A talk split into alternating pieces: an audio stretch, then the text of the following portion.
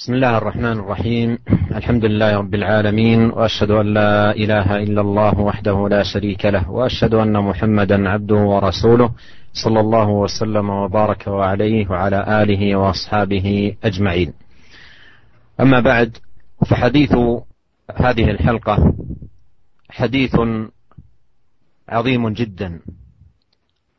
ألا وهو حديث معاوية رضي الله عنه المخرج في الصحيحين أن النبي صلى الله عليه وسلم قال من يرد الله به خيرا يفقهه في الدين وهذا أيها الإخوة الكرام ينبغي علينا أن ننتبه له ولأهميته ولعظم دلالته وللمعاني المستفادة منه مما أوضح بعضه إن شاء الله وما يتيسر منه في هذه الحلقة التي نرجو الله عز وجل أن تكون حلقة مباركة نافعة لنا أجمعين Bismillahirrahmanirrahim. Alhamdulillah segala puji dan syukur kita panjatkan kehadirat Allah Subhanahu wa taala. Salawat dan salam semoga senantiasa tercurahkan kepada junjungan Nabi kita Nabi Muhammad sallallahu alaihi wasallam serta para sahabatnya dan para pengikutnya yang setia hingga akhir zaman kelak. Amma ba'd, adapun pembahasan kita pada halakoh malam ini, pada pertemuan kita malam ini, yaitu tentang sebuah hadis yang sangat agung, yaitu hadis yang diriwayatkan oleh Muawiyah radhiyallahu taala anhu yang diriwayatkan dalam uh, Sahih Al Bukhari dan Sahih Al Muslim di mana Nabi Shallallahu Alaihi Wasallam pernah bersabda, "Man yuridillahu bihi khairan yufaqihu fid din." Artinya barang siapa yang Allah kehendaki bagi dirinya kebaikan, maka Allah akan membuat dia paham, membuat dia fakih tentang uh, agama. Oleh karena itu, para pendengar Radio Roja yang dirahmati oleh Allah Subhanahu wa taala, eh, sejogjanya bagi kita untuk memberi perhatian kepada hadis ini dan hal-hal yang ditunjukkan dalam hadis ini serta kita berusaha untuk mengambil faedah-faedah yang uh, tersirat dalam hadis ini. Maka insya Allah uh, Syekh pada kesempatan kali ini akan memberikan kepada kita faedah-faedah yang terkandung dalam hadis yang sangat agung ini dan semoga halaqah kita ini diberkati oleh Allah Subhanahu wa taala. أيها الإخوة المستمعون قول النبي صلى الله عليه وسلم من يرد الله به خيرا يفقهه في الدين يدل دلالة واضحة على مكانة العلم العظيمة ومنزلته العلية وشرف أهله وعظم مكانتهم عند الله سبحانه وتعالى وأن الله سبحانه وتعالى قد أراد بهم خيرا. والمراد بالإرادة هنا الإرادة الكونية القدرية أي أنه سبحانه وتعالى فيما قدره وقضاه لهم وكتبه أن يسوقهم إلى الخير وأن ييسر لهم الخير بما يسر لهم هو سبحانه وتعالى طريق العلم وسلوكه والعناية به Para pendengar yang dirahmati oleh Allah Subhanahu wa taala, sabda Nabi sallallahu alaihi wasallam, "Man yuridillahu bihi khairan yufaqihu fid din." Barang siapa yang Allah kehendaki bagi dirinya kebaikan, maka Allah akan mudahkan dia paham tentang ilmu agama Sabda Nabi ini menunjukkan dengan penunjukan yang sangat jelas akan keagungan ilmu, ketinggian kedudukan ilmu, serta juga menunjukkan akan kemuliaan orang yang berilmu. Bahwasanya orang yang berilmu mereka memiliki kedudukan di sisi Allah Subhanahu wa taala. Kenapa? Karena Allah Subhanahu wa taala telah menghendaki bagi para ahli ilmi, orang yang berilmu Allah kehendaki bagi mereka kebaikan dan Syekh mengingatkan bahwasanya iradah di sini, kehendak Allah dalam hadis ini adalah kehendak al-iradah al-kauniyah al-qadariyah, yaitu iradah kauniyah al-qadariyah, di mana Allah Subhanahu wa taala telah mencatat dan menetapkan bahwasanya bagi mereka para ahli ilmu yaitu kebaikan, di mana Allah Subhanahu wa taala mudahkan bagi mereka untuk beroleh ilmu dan mudahkan mereka jalan-jalan agar mereka mudah mendapatkan ilmu. وقد قال عليه الصلاة والسلام في هذا الحديث من يرد الله به خيرا. جاءت لفظة خيرا هنا منكرة وهذا كما بين أهل العلم يفيد تفخيم هذا الخير لأن التنكير هنا يفيد التفخيم والتعظيم والكثرة وأن الله سبحانه وتعالى أراد بهم خيرا عظيما وفضلا عميما بأن وفقهم ويسر لهم سلوك طريق العلم والدخول في سبيله. Nabi Shallallahu Alaihi Wasallam dalam hadis ini mengatakan, "Man yuridillahu bihi khairan." Barang siapa yang Allah kehendaki bagi dia kebaikan. Kalau kita perhatikan dalam lafalnya khairan, di sini nakirah, makanya ada tanwinnya khairan. Saya menjelaskan bahwasanya datangnya lafal khairan dengan lafal yang nakirah dengan ditanwin Para ulama menjelaskan maksud dari tanwin tersebut, dari nakirah tersebut adalah untuk tafkhim, untuk menunjukkan keagungan kebaikan tersebut dan ke, e, banyaknya kebaikan tersebut. Artinya Allah Subhanahu wa taala menghendaki bagi orang yang berilmu ya, kebaikan yang banyak dan kebaikan yang sangat besar. Di mana Allah Subhanahu wa taala memberi taufik kepada mereka sehingga mereka mudah untuk menempuh jalan ilmu dan mudahkan mereka untuk memperoleh ilmu. Wa qawluhu عليه الصلاة والسلام في هذا الحديث يفقهه في الدين يشمل الفقه في الدين في باب العقيدة والإيمان ويشمل الفقه في الدين في باب العبادة والعمل والأخلاق والآداب فمعرفة هذا كله من الفقه في دين الله الذي مدح أهله وأثني عليهم في هذا الحديث العظيم. وقد مر معنا سابقا حديث جبريل المشهور وفيه أن جبريل سأل النبي صلى الله عليه وسلم عن الإسلام فذكر له أعمال الدين وشرائعه الظاهرة ثم سأله عن الإيمان فذكر له عقائد الدين والإيمانيات التي مكانها القلب. ثم في تمام الحديث قال هذا جبريل أتاكم يعلمكم دينكم. هذا جبريل أتاكم يعلمكم دينكم. فأفاد الحديث أن الدين يشمل العقيدة ويشمل العبادة والأخلاق فكل ذلك دين الله سبحانه وتعالى. الذي من أراد الله عز وجل به خيرا وفقه لفقهه وفهمه ومدارسته Adapun sabda Nabi Shallallahu Alaihi Wasallam yufakihu fid din, Allah Subhanahu Wa Taala akan membuat dia fakih paham tentang perkara-perkara agama. Maka Syekh menjelaskan bahwasanya al fikhu fid din dalam hadis ini mencakup perkara-perkara yang berkaitan dengan akidah, perkara-perkara yang berkaitan tentang iman, Demikian juga mencakup hal-hal yang berkaitan dengan ibadah, amalan soleh, demikian juga adab dan akhlak. Semuanya tercakup dalam kalimat al-fiqhu fid din. Oleh karena itu, orang yang pelajari baik masalah akidah ataupun masalah akhlak ataupun masalah adab, masalah ibadah, semuanya dipuji oleh Allah Subhanahu wa taala. Semuanya terpuji dan dipuji oleh Allah Subhanahu wa taala karena semuanya termasuk dalam kalimat ad-din. Kita telah lalu penjelasan kita tentang hadis Jibril alaihissalam di mana Jibril alaihissalam datang kepada Nabi Shallallahu alaihi wasallam kemudian bertanya tentang masalah Islam lantas Rasulullah Shallallahu alaihi wasallam menjelaskan bahwasanya Islam itu berkaitan dengan perkara-perkara ibadah ya tentang zakat, sholat, puasa, haji dan sebagainya. Kemudian juga Jibril bertanya tentang masalah iman. Kabarkanlah kepadaku tentang masalah iman. Maka Rasulullah SAW pun menjelaskan tentang keimanan, iman kepada Allah, malaikat dan dan rukun-rukun iman yang lainnya. Ya. Kemudian di akhir hadis kata Rasulullah SAW, "Hada Jibril atakum yu'allimukum dinakum." Kata Rasulullah SAW, yang datang tadi adalah Jibril dan dia mengajarkan kepada kalian agama kalian. Oleh karena itu, agama, hadis ini menunjukkan bahwasanya agama, kalimat ad-din, itu mencakup peribadatan, ya, yang zahirah, demikian juga mencakup masalah-masalah keimanan, berkaitan dengan keyakinan, berkaitan dengan akidah. Oleh karena itu sabda Nabi Shallallahu Alaihi Wasallam, "Yufaqihu din." Barang siapa yang Allah kehendaki bagi dia kebaikan, Allah akan buat dia fakih tentang din, yaitu dia akan paham tentang masalah-masalah agama, baik yang berkaitan dengan masalah akidah maupun yang berkaitan dengan uh, peribadatan. Semuanya termasuk dalam kalimat ad-din.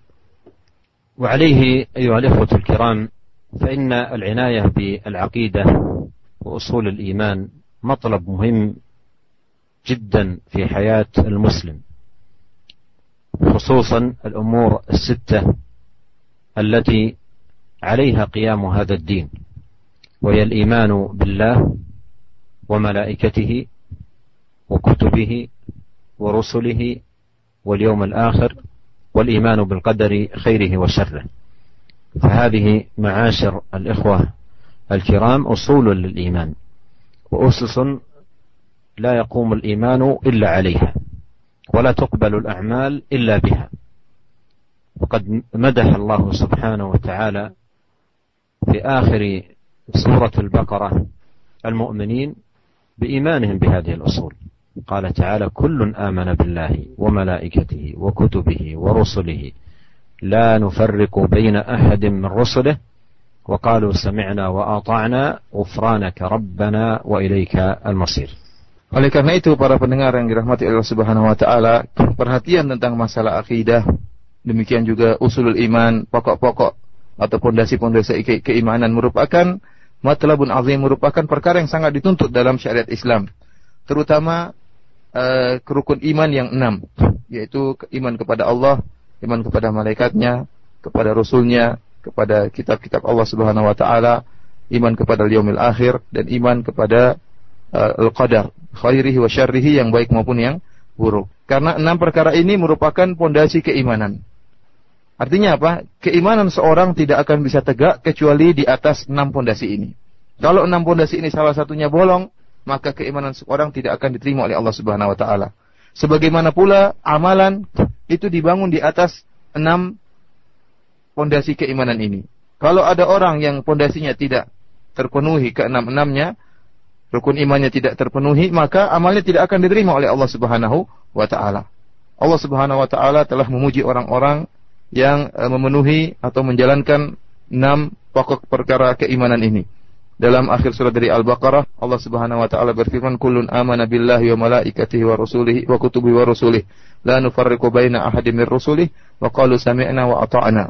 Ghufranaka rabbana wa ilaikal masir." Allah menyebutkan bahwasanya setiap mereka Eh, beriman kepada Allah dan kepada malaikatnya dan kepada kitab-kitab Allah dan kepada rasul-rasulnya ya. dan mereka mengatakan kami tidak membedakan uh, antara satu nabi dengan yang lainnya kemudian di akhirnya mereka mengatakan ilaikal masir dan kepada engkaulah ya Allah kami tempat kembali yaitu iman kepada hari akhirat وأعظم هذه الأصول التي يجدر بالمسلم أن يتفقه فيها الإيمان بالله والإيمان بوحدانية الله سبحانه وتعالى في ربوبيته باعتقاد أنه وحده جل وعلا الخالق لهذا الكون الموجد لجميع المخلوقات المتصرف في جميع الكائنات الذي بيده الخفض والرفع والقبض والبسط والمن والعطاء لا شريك له والإيمان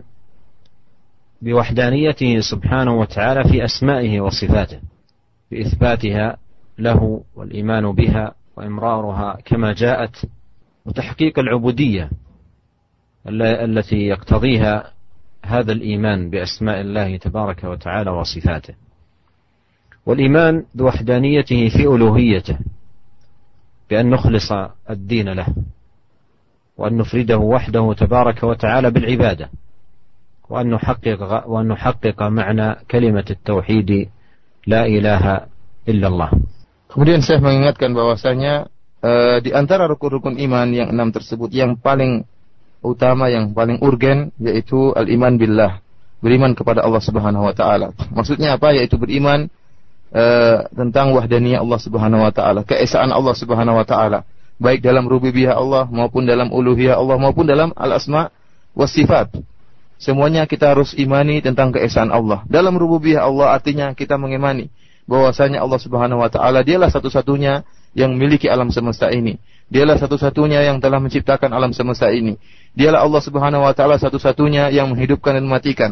Dialah Allah satu-satunya yang memberi rizki. Dialah Allah satu-satunya yang memberi dan dialah satu-satunya yang telah menahan. Dialah Allah Subhanahu wa taala satu-satunya yang telah mengatur alam semesta ini. Itu yang disebut dengan tauhid ar-rububiyah. Demikian juga kita harus mengimani tentang keesaan Allah dalam asma Allah dan sifat-sifat Allah. Itu bagaimana caranya? Yaitu kita beriman tentang asma Allah dan sifat-sifat Allah sebagaimana yang datang dalam Al-Quran dan sunnah-sunnah Nabi Shallallahu Alaihi Wasallam. Kita imani tanpa kita selewengkan. Kita imani sebagaimana datangnya nama-nama Allah dan sifat-sifat dalam Al-Quran dan sunnah Rasulullah Shallallahu Alaihi Wasallam. Kemudian jangan lupa tahqiqul ubudiyah. Kita berusaha mentahkik mewujudkan peribadatan kepada Allah Subhanahu wa taala berdasarkan nama-nama dan sifat-sifat Allah Subhanahu wa taala. Ada nama-nama Allah ya, nama-nama Allah itu menuntut kita untuk beriman dengan nama-nama tersebut dan menuntut kita untuk beribadah sesuai dengan nama-nama Allah Subhanahu wa taala. Insyaallah akan datang penjelasannya. Kemudian yang ketiga, beriman tentang keesaan Allah Subhanahu wa taala dalam peribadatan. Artinya kita tidak beribadah kecuali hanya kepada Allah Subhanahu wa taala. Seluruh ibadah kita tidak kita serahkan kecuali hanya kepada Allah Subhanahu wa taala. ويدخل في الفقه في دين الله معرفة ما يتعلق بالملائكة والكتب والرسل واليوم الآخر والقدر خيره وشره قد مضى شيء من الإشارة إلى هذه المعاني باختصار لكن المقام يحتاج من المسلم إلى عناية بهذا الباب وتفقه فيه في ضوء كتب أهل العلم ومؤلفاتهم المعتمدة المبنية على الدليل. قال الله قال رسوله صلى الله عليه وسلم أما الخوض في هذه المسائل بالعقل المجرد والفكر القاصر والآراء الضعيفة فهذا لا يفيد ولا يعد فقها في دين الله.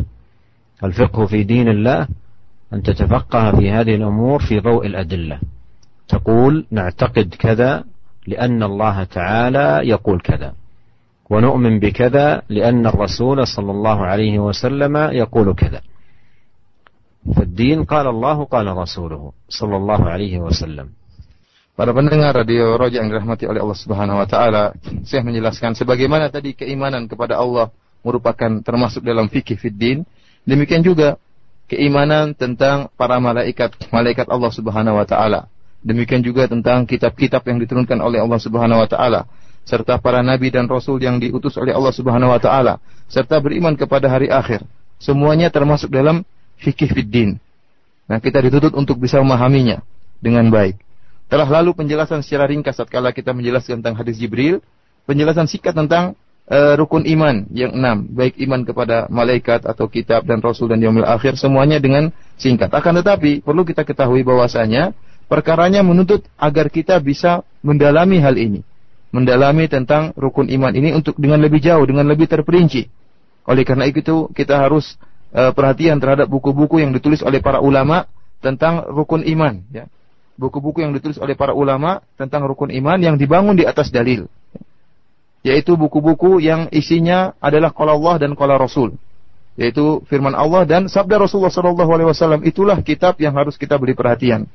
Adapun kita berusaha mendalami masalah keimanan tentang malaikat, tentang kitab, tentang rasul hanya dengan sekedar otak kita tanpa bersandar kepada Al-Qur'an dan sunnah, maka ini tidak dianggap fikih. Ini bukanlah fikih dalam syariat. Fikih yaitu kita memahami suatu dengan dalil, dengan Alkitab dan Sunnah, dengan perkataan Allah dan perkataan Rasulullah Sallallahu Alaihi Wasallam. Caranya bagaimana kita mengatakan kita beriman, kita beriktikad begini dan begini karena Allah Subhanahu Wa Taala telah berfirman demikian. Atau kita katakan kita beriman akan terjadi demikian dan demikian atau kita beriman akan hal ini kenapa? Karena Rasulullah Sallallahu Alaihi Wasallam telah bersabda demikian. Oleh karena itu yang dinamakan dengan fikih fiddin yaitu qala Allah dan qala Rasul. Yang disebut dengan fikih adalah firman Allah Subhanahu wa taala dan sabda Rasulullah sallallahu alaihi wasallam. Adapun selain itu maka itu bukan fikih fid din. Wa yadkhulu fi al-fiqh fi din al-fiqh fi al-ibadat وخاصة مباني الإسلام الخمسة التي جمعها النبي صلى الله عليه وسلم في قوله بني الإسلام على خمس شهادة أن لا إله إلا الله وأن محمد رسول الله وإقام الصلاة وإيتاء الزكاة وصوم رمضان وحج بيت الله الحرام. فنتفقه في الشهادتين بمعرفة معناهما ونعرف الشروط المتعلقة بهما والضوابط. ويكون شهادتنا عن علم وعن عمل وعن صدق مع الله سبحانه وتعالى. وكذلك فيما يتعلق بإقام الصلاة وإيتاء الزكاة وصوم رمضان وحج بيت الله الحرام نتفقه ونتبصر ونعرف هذه العبادات. ولا تكون حالنا كحال كثير من الناس يرى ما يفعل الناس ويفعل بل يحرص على التفقه وسماع العلم وسماع الحديث وشرح الحديث والتبصر في دين الله. ونحن في هذا الزمان تيسرت وسائل كثيرة جدا للفقه في دين الله سبحانه وتعالى. ومن ذلكم مثل هذه الإذاعة التي يستفيد منها الناس وتترجم لهم وتبين لهم المعاني وتشرح لهم من خلالها الدروس ويسمعون القرآن والحديث والفوائد التي تنفعهم نفعا عظيما. Kemudian Syekh juga menjelaskan termasuk dalam al-fiqhu fid din yaitu fikih tentang ibadat ya. Berusaha kita mempelajari tentang masalah peribadatan. Terutama al-mabani al-khamsah terutama rukun-rukun Islam yang lima yang semuanya terkumpul dalam sabda Nabi Shallallahu Alaihi Wasallam bunyal Islamu ala khamsin. Bahwasanya Islam itu dibangun di atas lima perkara yaitu syahadatain kemudian e, menegakkan sholat membayar zakat berpuasa serta mengerjakan haji bagi yang mampu. Maka kita berusaha untuk memahami lima perkara ini dengan baik. Kita berusaha tafakuh fiddin dalam syahadatain. Ya. Apa sih syarat-syarat syahadah? Apa sih dhawabit-dhawabit, kaidah-kaidah yang berkaitan dengan syahadatain? Agar kita syahadah yang kita ucapkan itu di atas ilmu. Dan kita bisa mengamalkan konsekuensi-konsekuensi dari syahadah tersebut. Ya. Demikian juga bukan cuma syahadah, demikian juga masalah sholat, masalah haji, bayar zakat, puasa. Kita semua mengerjakannya di atas ilmu. Kita berusaha untuk memahami lima perkara tersebut dengan ilmu. Melaksanakannya dengan ilmu. Jangan ikut-ikutan. Jangan sampai kondisi kita sebagaimana kebanyakan orang yang agama mereka bukan dibangun di atas ilmu. Amalan mereka bukan dibangun di atas ilmu. Akan tetapi amalan mereka dibangun di atas ikut-ikutan. Mereka lakukan apa yang mereka lihat dari manusia. Dari orang-orang lain. Kalau orang-orang yang salah, mereka juga akan salah. Maka kita berusaha ya bertafakuh. Berusaha mengamalkan uh, rukun-rukun Islam yang lima ini di atas ilmu. Sehingga amal kita lebih diterima oleh Allah Subhanahu wa taala. Alhamdulillah kata Syekh di zaman ini mudah sekali bagi kita untuk menuntut ilmu. Banyak wasilah-wasilah, ya banyak sarana-sarana yang memudahkan kita untuk menuntut ilmu, tersebarnya ilmu. Di antaranya radio Raja, radio yang sedang kita dengarkan sekarang ini merupakan salah satu sarana untuk menuntut ilmu. Alhamdulillah kita bisa mendengarkan Al-Quran, bisa mendengarkan hadis-hadis Rasulullah Sallallahu Alaihi Wasallam. Uh, demikian juga ada uh, durus uh, pelajaran-pelajaran diterjemahkan dalam bahasa Indonesia. Maka kita berusaha memanfaatkan sarana-sarana yang tersedia dalam uh, menyebarkan ilmu ini. والفقه هو الفهم ومعنى يفقهه في الدين أي أن يفهم الدين ويكون على بصيرة ومعرفة بدين الله سبحانه وتعالى وقد قال عمر بن عبد العزيز رحمه الله آه، من عبد الله بغير علم كان ما يفسد أكثر مما يصلح. لا بد من الفقه لا بد من الفهم للدين لا بد من عبادة الله سبحانه وتعالى على بصيرة. لأنه كما يشترط لقبول العمل عند الله سبحانه وتعالى أن يكون العمل خالصا لله فكذلك يشترط لقبول العمل أن يكون العمل مطابقا لسنة رسول الله صلى الله عليه وسلم والمطابقة للسنة لا تكون إلا بالفقه والفهم لدين الله سبحانه وتعالى Dan al-fikhu dalam bahasa Arab artinya al-fahm, pemahaman. Oleh karena itu maksudnya tafakuh fid din, yaitu berusaha memahami agama ini di atas ilmu, di atas basirah. Umar bin Abdul Aziz uh, radhiyallahu anhu pernah berkata, "Man abadallaha bi ghairi ilmi, barang siapa yang beribadah kepada Allah Subhanahu wa taala tanpa ilmu, maka kerusakan yang dia timbulkan lebih banyak daripada kebaikan yang dia timbulkan." Ya, barang siapa yang beramal beribadah kepada Allah tanpa ilmu, maka kerusakan yang ditimbulkan akan lebih banyak daripada kebaikan yang dia uh, dapatkan. Oleh karena itu, harus di atas ilmu. Beramal harus di atas ilmu. Sebagaimana telah kita jelaskan bahwasanya amal itu tidak bisa diterima kecuali kalau amal tersebut ikhlas karena Allah Subhanahu wa taala. Demikian juga telah kita jelaskan bahwasanya amal itu tidak bisa diterima kecuali sesuai dengan sunnah Rasulullah SAW, sesuai dengan petunjuk, sesuai dengan amalan Rasulullah SAW. Dan tidak mungkin seorang mengetahui amalannya sesuai dengan sunnah Rasulullah SAW kecuali dengan ilmu. Maka dia harus menuntut ilmu agar dia tahu amalannya sesuai dengan sunnah atau tidak. Sehingga amalannya bisa diterima oleh Allah Subhanahu wa taala. أيها الإخوة الكرام الفقه في دين الله سبحانه وتعالى باب يقود صاحبه إلى الفضائل وإلى الخيرات وإلى الثمار العظيمة في العاجل والآجل. جاء في المسند وغيره من حديث أبي الدرداء رضي الله عنه أن النبي صلى الله عليه وسلم قال من سلك طريقا يلتمس فيه علما سهل الله له به طريقا إلى الجنة. وإن الملائكة لتضع أجنحتها لطالب العلم رضا بما يصنع. وإن العالم ليستغفر له من في السماوات ومن في الأرض حتى الحيتان في الماء. وإن فضل العالم على العابد كفضل القمر ليلة البدر على سائر الكواكب. وإن العلماء ورثة الأنبياء.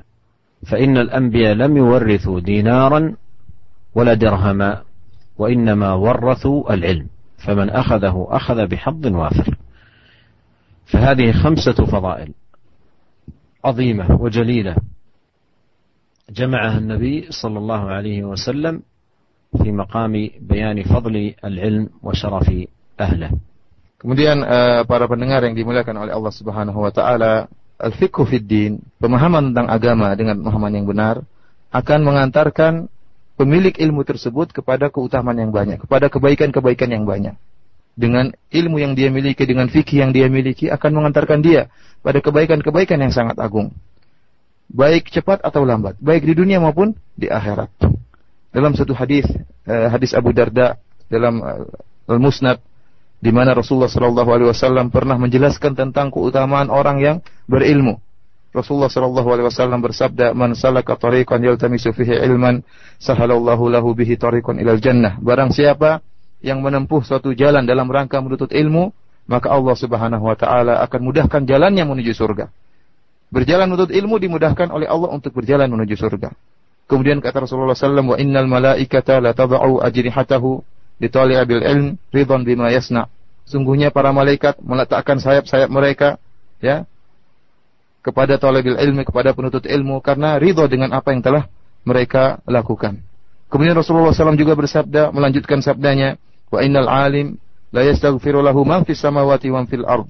Sungguhnya seorang yang berilmu maka penghuni langit dan penghuni bumi semuanya akan meminta ampunkan kepada Allah Subhanahu wa taala bagi penuntut ilmu, bagi orang yang berilmu tersebut. Hatal hitan filma, sampai ikan-ikan di air pun berdoa kepada Allah Subhanahu wa taala agar mengampuni dosa-dosa penuntut ilmu. Kemudian Rasulullah SAW melanjutkan sabdanya, "Wa inna fadlal alim 'alal 'abid ka fadlil qamari 'ala sairil kawakib." Dan sungguhnya keutamaan orang yang berilmu dibandingkan dengan orang yang ahli ibadah seperti keutamaan bulan dibandingkan dengan seluruh bintang-bintang ya. Kita tahu bintang jumlahnya banyak, bulan satu akan tetapi keutamaannya luar biasa. Bulan lebih utama daripada bintang-bintang semuanya. Kemudian kata Rasulullah SAW melanjutkan hadisnya, wa innal ulama warasatul anbiya. Sungguhnya para ulama adalah pewaris para nabi. Wa innal anbiya lam yuwarrithu dinaran wala dirhaman. Innama warrathul ilma. Kata Rasulullah SAW bahwasanya para ulama adalah pewaris para nabi. Apa yang diwarisi? Apakah mereka mewariskan emas dan perak? Enggak. Karena para nabi tidaklah mewariskan emas dan perak. Akan tetapi mereka mewariskan ilmu. Faman akhadaha faqad akhadha bihadzin wafir. Barang siapa yang telah mengambil warisan para nabi, mengambil ilmu eh, dari yang merupakan warisan para nabi, maka dia telah mengambil bagian yang sangat besar. Inilah eh, keutamaan-keutamaan yang sangat tinggi, yang sangat mulia yang diberikan kepada uh, orang yang berilmu sebagaimana dijelaskan oleh Nabi Shallallahu alaihi wasallam tatkala menjelaskan akan keutamaan menuntut ilmu. وقوله صلى الله عليه وسلم في هذا الحديث من يرد الله به خيرا يفقهه في الدين. المراد كما بين العلماء رحمهم الله بالفقه أي الفقه المستلزم للعمل. وليس المراد به مجرد حفظ المعلومات وحفظ النصوص. في الحديث لا يحصل الثواب الذي ذكر فيه والفضل الذي ذكر فيه لمن حفظ ولم يفهم. ولا أيضا لمن حفظ وفهم ولم يعمل. بل لا بد من حفظ وفهم وعمل حتى تتحقق الخيرية ويحصل الفضل. أما إذا قرأ النصوص وتعلم ولم يعمل صار ذلك حجة عليه لا له وقد قال عليه الصلاة والسلام والقرآن حجة لك أو عليك Kemudian para pendengar radio Raja yang rahmati Allah Subhanahu wa taala, adapun sabda Nabi sallallahu alaihi wasallam, "Man yuridillahu bihi khairan yufaqihu fid din." Barang siapa yang Allah kehendaki bagi dia kebaikan, Allah akan buat dia fakih dalam agama, paham tentang agama. Para ulama telah menjelaskan al-fiqhu di sini, pemahaman di sini yang dipuji oleh Allah Subhanahu wa taala yang diberikan uh, pahala yang sangat banyak dan keutamaan-keutamaan yang sangat agung, yaitu pemahaman yang mendatangkan amal. Artinya pemahaman yang menjadikan orang yang paham tersebut beramal. Bukan sekedar pemahaman ya misalnya hanya sekedar menghafalkan dalil-dalil, hanya menghafalkan ayat, menghafalkan hadis, atau sekadar hanya memiliki pengetahuan yang banyak tapi tidak diamalkan. Orang yang seperti ini yang hanya memahami, paham tentang masalah agama namun tidak diamalkan, maka dia tidak akan mendapatkan ganjaran dari Allah Subhanahu wa taala. Dan dia tidak akan mendapatkan fadail, keutamaan keutamaan yang agung yang telah dijanjikan oleh Rasulullah sallallahu alaihi wasallam. Oleh karena itu barang siapa yang menghafal walam yafham, barang siapa yang sekedar menghafal saja namun tidak paham, tidak juga mendapatkan keutamaan tersebut. Demikian juga barang siapa yang fahim walam ya'mal, barang siapa yang paham tapi tidak diamalkan, dia juga tidak akan mendapatkan keutamaan tersebut. Siapa yang mendapatkan keutamaan, ganjaran yang besar dan keutamaan-keutamaan yang sangat agung yaitu orang yang paham dan mengamalkannya. Ya, jadi maksud dari yufaqihu fid din yaitu Allah menjadikan seorang paham dan mengamalkan uh, apa yang dia pahami tersebut.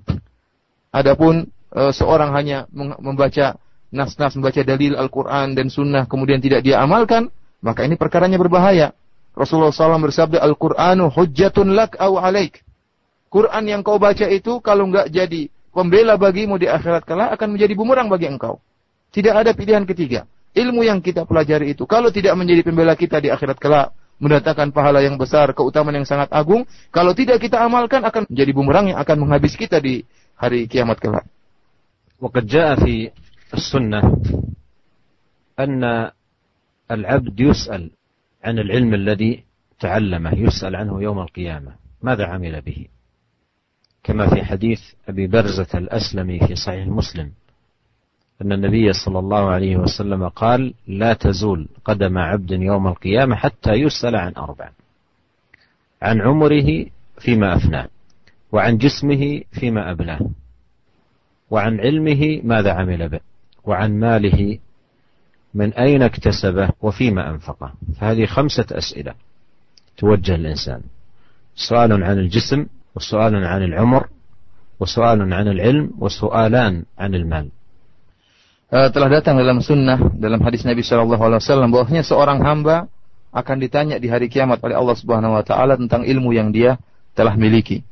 Ya, sebagaimana dalam hadis Abi Barzah al Aslami radhiyallahu anhu diriwayatkan oleh Imam Muslim dalam sahihnya bahwasanya Rasulullah SAW bersabda la tazulu qadama abdin hatta yus'al an arba. Bahwasanya uh, seorang hamba ya uh, akan ditanya pada hari kiamat dengan empat pertanyaan. An umrihi fima afnah ya tentang umurnya. Apa yang dia lakukan dengan umurnya? Di mana dia habiskan umurnya? An jasadihi fima ablah. Jasadnya apa yang dilakukan dengan jasadnya? Apa yang dilakukan dengan badan yang dia miliki? Kemudian tentang ilmu Ya, apa yang dia amalkan dengan ilmunya. Ditanya oleh Allah Subhanahu wa taala dan juga ditanya tentang hartanya, apa yang dia bagaimana dia menghabiskan hartanya. Jadi kita harus yakin bahwasanya ilmu yang kita pelajari ini akan dimintai pertanggungjawaban oleh Allah Subhanahu wa taala pada hari kiamat kelak. وإذا عرف العبد أنه سيسأل عن علمه ماذا عمل به ما هو الحل هل أن يترك العلم والتعلم والتفقه ويقول حتى لا أسأل عن هذا يوم القيامة. أو أنه أيضا يتعلم ولا يعمل فالذي يترك العلم هذا رضي بنفسه رضي لنفسه سبيل أهل الضلال الضالين الذين لا يعرفون دين الله ولا يعرفون شرع الله هذا ضلال وضياع. والذي يتعلم ولا يعمل رضي لنفسه سبيل أهل الغضب الذين يغضب الله عليهم يعرفون دينه ويعرفون شرعه. ويعرفون أمره ونهيه ولا يعملون. وهذا موجب لسخط الله سبحانه وتعالى. فإذا الذي يترك العلم ويقول حتى لا أسأل عنه هذا ضال ويجني على نفسه جناية عظيمة ويوقع نفسه في منزلق خطير. وكذلك الذي يتعلم ولا يعمل أيضا هذا على خطر عظيم وفعله هذا موجب لسخط الله سبحانه وتعالى عليه. المنهج القويم الصراط المستقيم أن يتعلم ولا يزال يتعلم ويعمل ويطبق وينفذ حتى يكون من من الناجين. وفي الدعاء في سورة الفاتحة اهدنا الصراط المستقيم صراط الذين أنعمت عليهم غير المغضوب عليهم ولا الضالين. المنعم عليهم أهل العلم والعمل والمغضوب عليهم من عندهم علم بلا عمل والضالون الذين عندهم عمل بلا علم Jika seorang hamba telah mengetahui dan meyakini bahwasanya dia akan ditanya pada hari kiamat tentang ilmunya, apa yang dia telah amalkan dari ilmunya, maka bagaimana jalan keluarnya? Apakah jalan keluar agar tidak ditanya, kita tidak usah nutut ilmu? Sudah kita tidak usah nutut ilmu supaya Allah tidak tanya ilmu apa yang harus kita amalkan. Atau kita nutut ilmu tapi tidak usah diamalkan seorang yang meninggalkan menuntut ilmu, tidak mau tafakuh fid din, tidak mau belajar ya supaya tidak ditanya oleh Allah Subhanahu wa taala, maka orang ini sungguhnya telah ridho bagi dirinya jalan-jalan orang-orang yang disatkan oleh Allah Subhanahu wa taala. Orang-orang yang disatkan oleh Allah Subhanahu wa taala itu orang-orang yang tidak menuntut ilmu, beribadah tanpa tanpa ilmu. Demikian juga orang yang menuntut ilmu namun tidak mau mengamalkannya, maka sungguhnya dia telah ridho bagi dirinya jalannya orang-orang yang dimurkai oleh Allah Subhanahu wa taala, al-maghdub alaihim, orang-orang yang dimurkai oleh Allah Subhanahu wa taala. Siapa mereka yaitu orang-orang yang mereka berilmu namun tidak diamalkan. Dan kedua jalan ini jalan yang sangat berbahaya. Ya. Orang yang tidak menuntut ilmu sama sekali, enggan menuntut ilmu, akan dimurkai oleh Allah Subhanahu wa taala. Demikian juga orang yang berilmu dan tidak diamalkan juga dimurkai oleh Allah Subhanahu wa taala. Dan jalan yang lurus dan jalan yang benar yang diridhai oleh Allah Subhanahu wa taala yaitu seorang hamba menuntut ilmu. Dan terus menuntut ilmu sambil mengamalkan ilmu yang telah dia uh, pelajari. Sampai dia termasuk hingga dia akhirnya termasuk orang-orang yang diselamatkan oleh Allah Subhanahu wa taala. Yang diberi kenikmatan oleh Allah Subhanahu wa taala.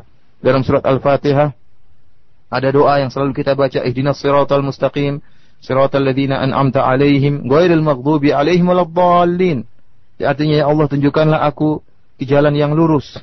Yaitu jalannya orang-orang yang telah engkau berikan kenikmatan kepada mereka. Bukan jalannya orang-orang yang engkau murkai dan jalannya orang-orang yang sesat. Siapa orang-orang yang diberikan kenikmatan oleh Allah Subhanahu wa taala? Jalan yang benar yaitu jalannya orang-orang yang berilmu dan beramal. Kita berdoa juga ya Allah jangan berikan jangan aku, jadikan aku termasuk orang-orang yang dimurkai oleh Engkau ya Allah. Al-Maghdub alaihim. Siapa mereka? Yaitu orang-orang yang mereka berilmu namun tidak diamalkan waladhdallin ya Allah jadikan aku juga jangan termasuk jalan, termasuk dalam jalannya orang-orang yang disesatkan. فهذا المقام مقام عظيم وهو مقام العناية بالعلم والعمل معا فأمة الإسلام أمة العلم والعمل ليس علم بلا عمل ولا أيضا عمل بلا علم.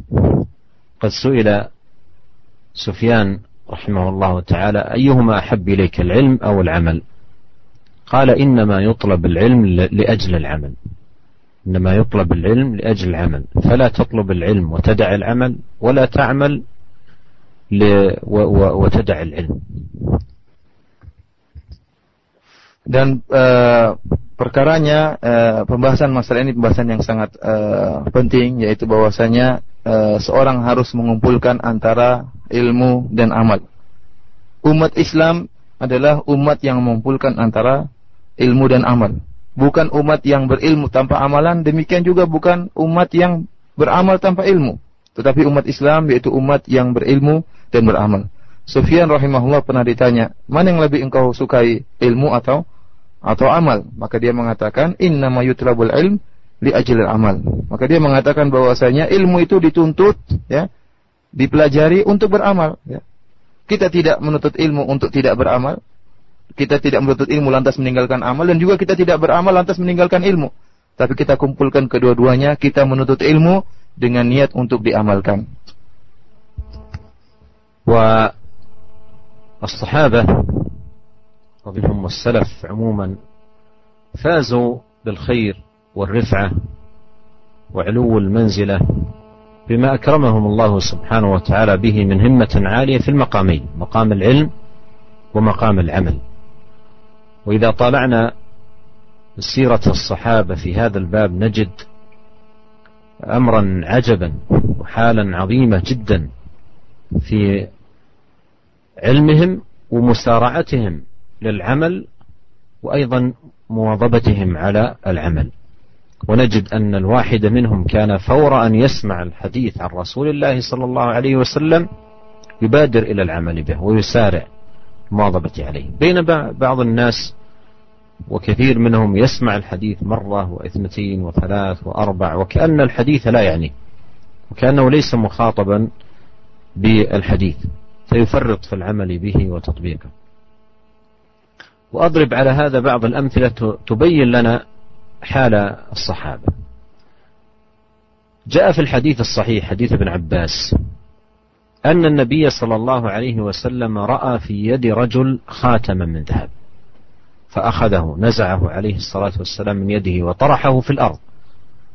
وقال أيعمد أحدكم إلى جمرة من النار فيضعها في يده؟ فلما ذهب النبي صلى الله عليه وسلم قال الصحابة لذلك الرجل خذ خاتمك انتفع به. خذ خاتمك انتفع به يعني تبيعه أو تعطيه أهلك يلبسه النساء لا حرج. خذ خاتمك انتفع به. قال والله لا أخذ شيئا طرحه رسول الله صلى الله عليه وسلم. Para pendengar radio Raja yang dirahmati Allah Subhanahu wa taala, para sahabat, demikian juga para salafus saleh yang mereka uh, telah mendapatkan kemenangan yang sangat agung, mendapatkan kebaikan yang sangat banyak dan mendapatkan ketinggian dari Allah Subhanahu wa taala karena mereka telah dimuliakan oleh Allah Subhanahu wa taala dengan menjalankan dua perkara ini. Mereka telah menggabungkan antara ilmu dan amal. Jadilah mereka terangkat derajat di sisi Allah Subhanahu wa taala, ya. Karena mereka telah mengumpulkan antara ilmu dan amal. Kalau kita melihat sejarah atau sirah para sahabat, bagaimana uh, kisah tentang mereka, maka kita akan mendapatkan hal yang sangat menakjubkan, hal yang sangat ajaib, ya, baik dalam ilmu mereka maupun dalam amalan mereka. Bagaimana kesungguhan mereka dalam menuntut ilmu, bagaimana kesungguhan mereka dalam beramal, bagaimana bersegeranya mereka dalam beramal, berlomba-lomba di antara mereka dalam beramal. Ya, kalau kita lihat bagaimana salah seorang dari mereka kalau mendengar satu hadis dari Nabi Shallallahu Alaihi Wasallam, langsung mereka amalkan. Begitu mendengar ada hadis dari Nabi Shallallahu Alaihi Wasallam, langsung mereka amalkan. Tidak mereka tunda-tunda, segera mereka amalkan. Berbeda dengan sebagian orang, ya, mendengar hadis berulang-ulang, mendengar sekali dua kali berulang-ulang dia dengar tentang hadis tersebut, tentang suatu amalan, maka dia tidak amalkan. Seakan-akan hadis yang dengar dia dengar itu tidak ditujukan kepada dia. Seakan-akan Rasulullah SAW berbicara dengan kaum yang lain. Hadis yang disampaikan oleh Rasulullah SAW tidak ditujukan kepada dia. Sehingga dia mendengar sekali, dua kali, tiga kali, mungkin sepuluh kali tidak dia amalkan dengan segera. Bagaimana kita bandingkan kondisi kita dengan kondisi para salafus soleh dahulu. Contohnya, di antara contoh yang uh, ada, ya, sebagaimana disebutkan dalam hadis Ibnu Abbas radhiyallahu taala anhuma, bahwasanya Nabi Shallallahu alaihi wasallam melihat seorang di tangannya ada khatam min dahab ya. Di, Nabi SAW melihat ada seorang sahabat di tangannya ada sebuah cincin ya dari emas. Maka Nabi Shallallahu Alaihi Wasallam pun mengambil emas tersebut dan melemparkannya. Kemudian Nabi Shallallahu Alaihi Wasallam bersabda, Ayamadu ahadukum ila jamran minan nar, fayadu'aha fi yadihi. Kata Rasulullah SAW, apakah salah seorang dari kalian mau mengambil jamrah, yaitu dari api neraka, kemudian dia pasangkan di tangannya? Ya. Kata Nabi Shallallahu Wasallam. Setelah itu Nabi Shallallahu Wasallam pergi. Ya, setelah melemparkan emas, eh, cincin emas tadi, Rasulullah SAW pergi. Setelah Rasulullah SAW pergi, teman-teman dari orang ini berkata kepada dia, ambil saja cincinmu tadi, ya.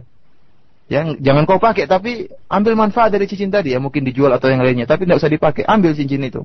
Apa kata sahabat ini? Aku tidak akan mengambil cincin yang telah dibuang oleh Nabi Shallallahu Alaihi Wasallam. Lihat bagaimana langsung dengan semangatnya dia mengatakan, aku tidak akan mengambil cincin yang telah dibuang oleh Rasulullah Shallallahu Alaihi Wasallam. أنس رضي الله عنه كما جاء في الحديث أيضا الصحيح في قصة تحريم الخمر.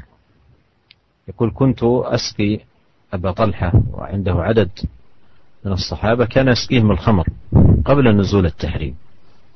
يقول فجاء رجل وأخبر أن الخمر حرمت وأن تحريمها نزل نزل فيه وحي من الله سبحانه وتعالى. فأمروا بإراقتها. أمروا بإراقتها مع أن الذي يشرب الخمر وألفتها نفسه واعتاد عليها ربما بعضهم يعني يرى أنه لا يستطيع أن يتخلص منها إلا خطوات أو بالتدريج. بينما الصحابة رأسا أمروا براقتها وكان ذلك آخر عهدهم بها. Demikian juga dalam hadis Anas radhiyallahu taala anhu dalam hadis yang sahih tentang kisah uh, turunnya ayat pengharaman khamar. Kata Anas bin Malik, "Kuntu aski Abu Talha." Dulu saya pernah uh, menuangkan khamar untuk Abu Talha, ya. Karena tatkala itu khamar belum diharamkan. Sebagian sahabat minum khamar dan Anas menuangkan khamar kepada para sahabat yang biasa minum khamar. Tatkala saya sedang menuangkan khamar bir kepada Abu Talha, tiba-tiba datang utusan Rasulullah Sallallahu Alaihi Wasallam, kemudian mengatakan bahwasanya sungguhnya telah turun ayat yang mengharamkan khamar, telah mengharamkan bir. Subhanallah para sahabat tatkala itu juga lantas menumpahkan khamar yang ada di tangan mereka. Mereka langsung menumpahkan seluruh khamar yang ada di mulut mereka, mereka segera tumpahkan. Yang masih ada di botol-botol, yang masih ada di tempat yang mereka buang semua khamar tatkala itu. Lihatlah bagaimana para sahabat. Ya, dengan keimanan yang mereka miliki, dengan mudahnya mereka menjalankan perintah Rasulullah SAW. Begitu datang perintah bahwasanya khamar diharamkan, mereka langsung buang. Padahal orang yang sudah minum khamar, yang sudah terbiasa minum khamar, sulit bagi dia untuk meninggalkan khamar. Orang yang sudah kecanduan, sulit bagi dia untuk meninggalkan bir. Kita lihat sebagian orang kecanduan kalau untuk meninggalkan bir harus menempuh tahapan-tahapan untuk bisa meninggalkan bir. Sulit bagi mereka. Kenapa sudah kecanduan? Adapun para sahabat radhiyallahu anhum meskipun mereka sudah mungkin bertahun-tahun minum khamar, namun sekali datang perintah dari Rasulullah sallallahu alaihi wasallam saat itu juga mereka langsung membuang khamar yang mereka miliki. Dan itu akhir ahdihim bil khamar dan itu terakhir mereka minum khamar, tidak lagi minum. Setelah datang perintah Rasulullah sallallahu alaihi wasallam. وفي صحيح مسلم قصة عمر بن الخطاب رضي الله عنه وهي أيضا قصة عظيمة لما نزل لما آه، ذكر النبي عليه الصلاة والسلام يقول عمر سمعت النبي صلى الله عليه وسلم يقول إن الله ينهاكم أن تحلفوا بآبائكم. وكان عمر رضي الله عنه اعتاد في الجاهلية قبل الإسلام وقبل أن يبلغه التحريم اعتاد إذا أراد أن يحلف يحلف بأبيه. ونعرف أن الشخص إذا اعتاد لسانه على كلمة ونهي عنها. وانتهى ربما تنفلت من لسانه في بعض المرات. سهوا أو عدم انتباه أو ذهولا لكن نسمع عمر ماذا يقول. يقول سمعت رسول الله صلى الله عليه وسلم يقول إن الله ينهاكم عن أن تحلفوا بآبائكم. فوالله ما حلفت بها منذ سمعت النبي صلى الله عليه وسلم لا ذاكرا ولا آثرا. لا ذاكرا يعني لم أحلف بها لا من قولي ولا أيضا حكاية لقول غيري. هذا يبين الحرص الشديد والقوي منهم رضي الله عنهم على لزوم ما جاء عنه عليه الصلاة والسلام والمبادرة والمسارعة إلى ذلك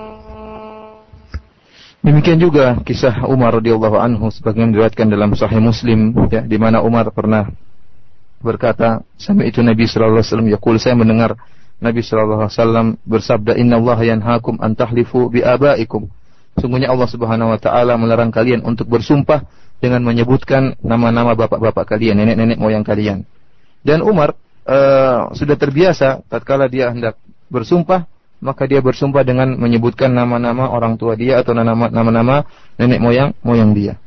Namun uh, bagaimana sikap Umar tatkala mendengar hadis ini? Kita tahu sebagian orang yang lidahnya sudah terbiasa mengucapkan sesuatu, ya, lidahnya sudah terbiasa mengucapkan sesuatu, sulit bagi dia untuk melupakan kebiasaan dia. Ya, berusaha mungkin saja dia berusaha untuk meninggalkan kebiasaan dia, kebiasaan yang biasanya diucapkan oleh lisannya. Akan tapi terkadang kelepasan. Ya, namanya orang sudah terbiasa, bagaimanapun dia berusaha untuk meninggalkannya, suatu saat akan kelepasan. Namun bagaimana dengan Umar? Apa yang dikatakan oleh Umar bin Khattab radhiyallahu taala anhu? Kata dia, eh, Sami'tu Nabi sallallahu alaihi wasallam yaqul inna Allah yanhaakum an tahlifu bi abaikum. Wallahi ma halaftu biha mundu sami'tu kata Nabi sallallahu alaihi wasallam la dzakiran wala athiran. Kata Umar radhiyallahu taala anhu demi Allah saya telah mendengar Rasulullah SAW bersabda bahwasanya Allah Subhanahu wa taala melarang kalian untuk bersumpah dengan menyebut nama-nama nenek moyang kalian. Demi Allah saya tidak pernah lagi bersumpah dengan menyebut nama-nama nenek moyangku. Setelah saya mendengar semenjak saya mendengar perintah atau larangan Nabi sallallahu alaihi wasallam tersebut. La dzakiran wala akhiran, ya. Maksudnya apa? Tidak uh, tatkala uh, terucap dari perkataanku, demikian juga tidak aku menceritakan tentang sumpah-sumpahnya orang lain. Ya. La dzakiran wala akhiran Tidak terucap dari perkataanku, demikian juga tidak aku hikayat dari orang lain, tidak aku ceritakan dari orang lain tentang sumpah-sumpah mereka dengan nama-nama nenek moyang mereka. Lihatlah bagaimana semangat Umar ya, semangat demikian juga semangat para sahabat pada umumnya untuk segera melaksanakan perintah Nabi Shallallahu alaihi wasallam dan berusaha meninggalkan larangan Nabi Shallallahu alaihi wasallam sejauh-jauhnya. حتى في جانب السنن والمستحبات إذا سمعوا حديث النبي صلى الله عليه وسلم بادروا وواظبوا. والأمثلة على هذا كثيرة جدا وقد يطول المقام بذكرها. لكن من ذلك حديث أم حبيبة في صحيح مسلم رضي الله عنها. قالت سمعت النبي صلى الله عليه وسلم يقول من حافظ على ثنتي عشرة ركعة في اليوم والليلة بنى الله له بيتا في الجنة. أي ركعتين قبل الفجر وأربع قبل الظهر واثنتين بعد الظهر واثنتين بعد المغرب واثنتين بعد العشاء تقول أم حبيبة فما تركتهن منذ سمعت ذلك من رسول الله صلى الله عليه وسلم Uh, bukan cuma pada perkara-perkara yang wajib yang disemangati oleh para sahabat dan di, bersegera mereka untuk melakukannya. Bahkan pada perkara-perkara yang sunnah, perkara-perkara yang mustahab. Begitu mereka mendengar tentang hal yang di mustahab yang dari hadis Nabi SAW, mereka segera melaksanakannya. Kata Syekh contoh, contoh, contoh tentang masalah ini begitu banyak. Yang kalau kita menyebutkan contoh bagaimana semangatnya para sahabat menjalankan sunnah-sunnah Nabi, maka akan terlalu panjang pengajian kita.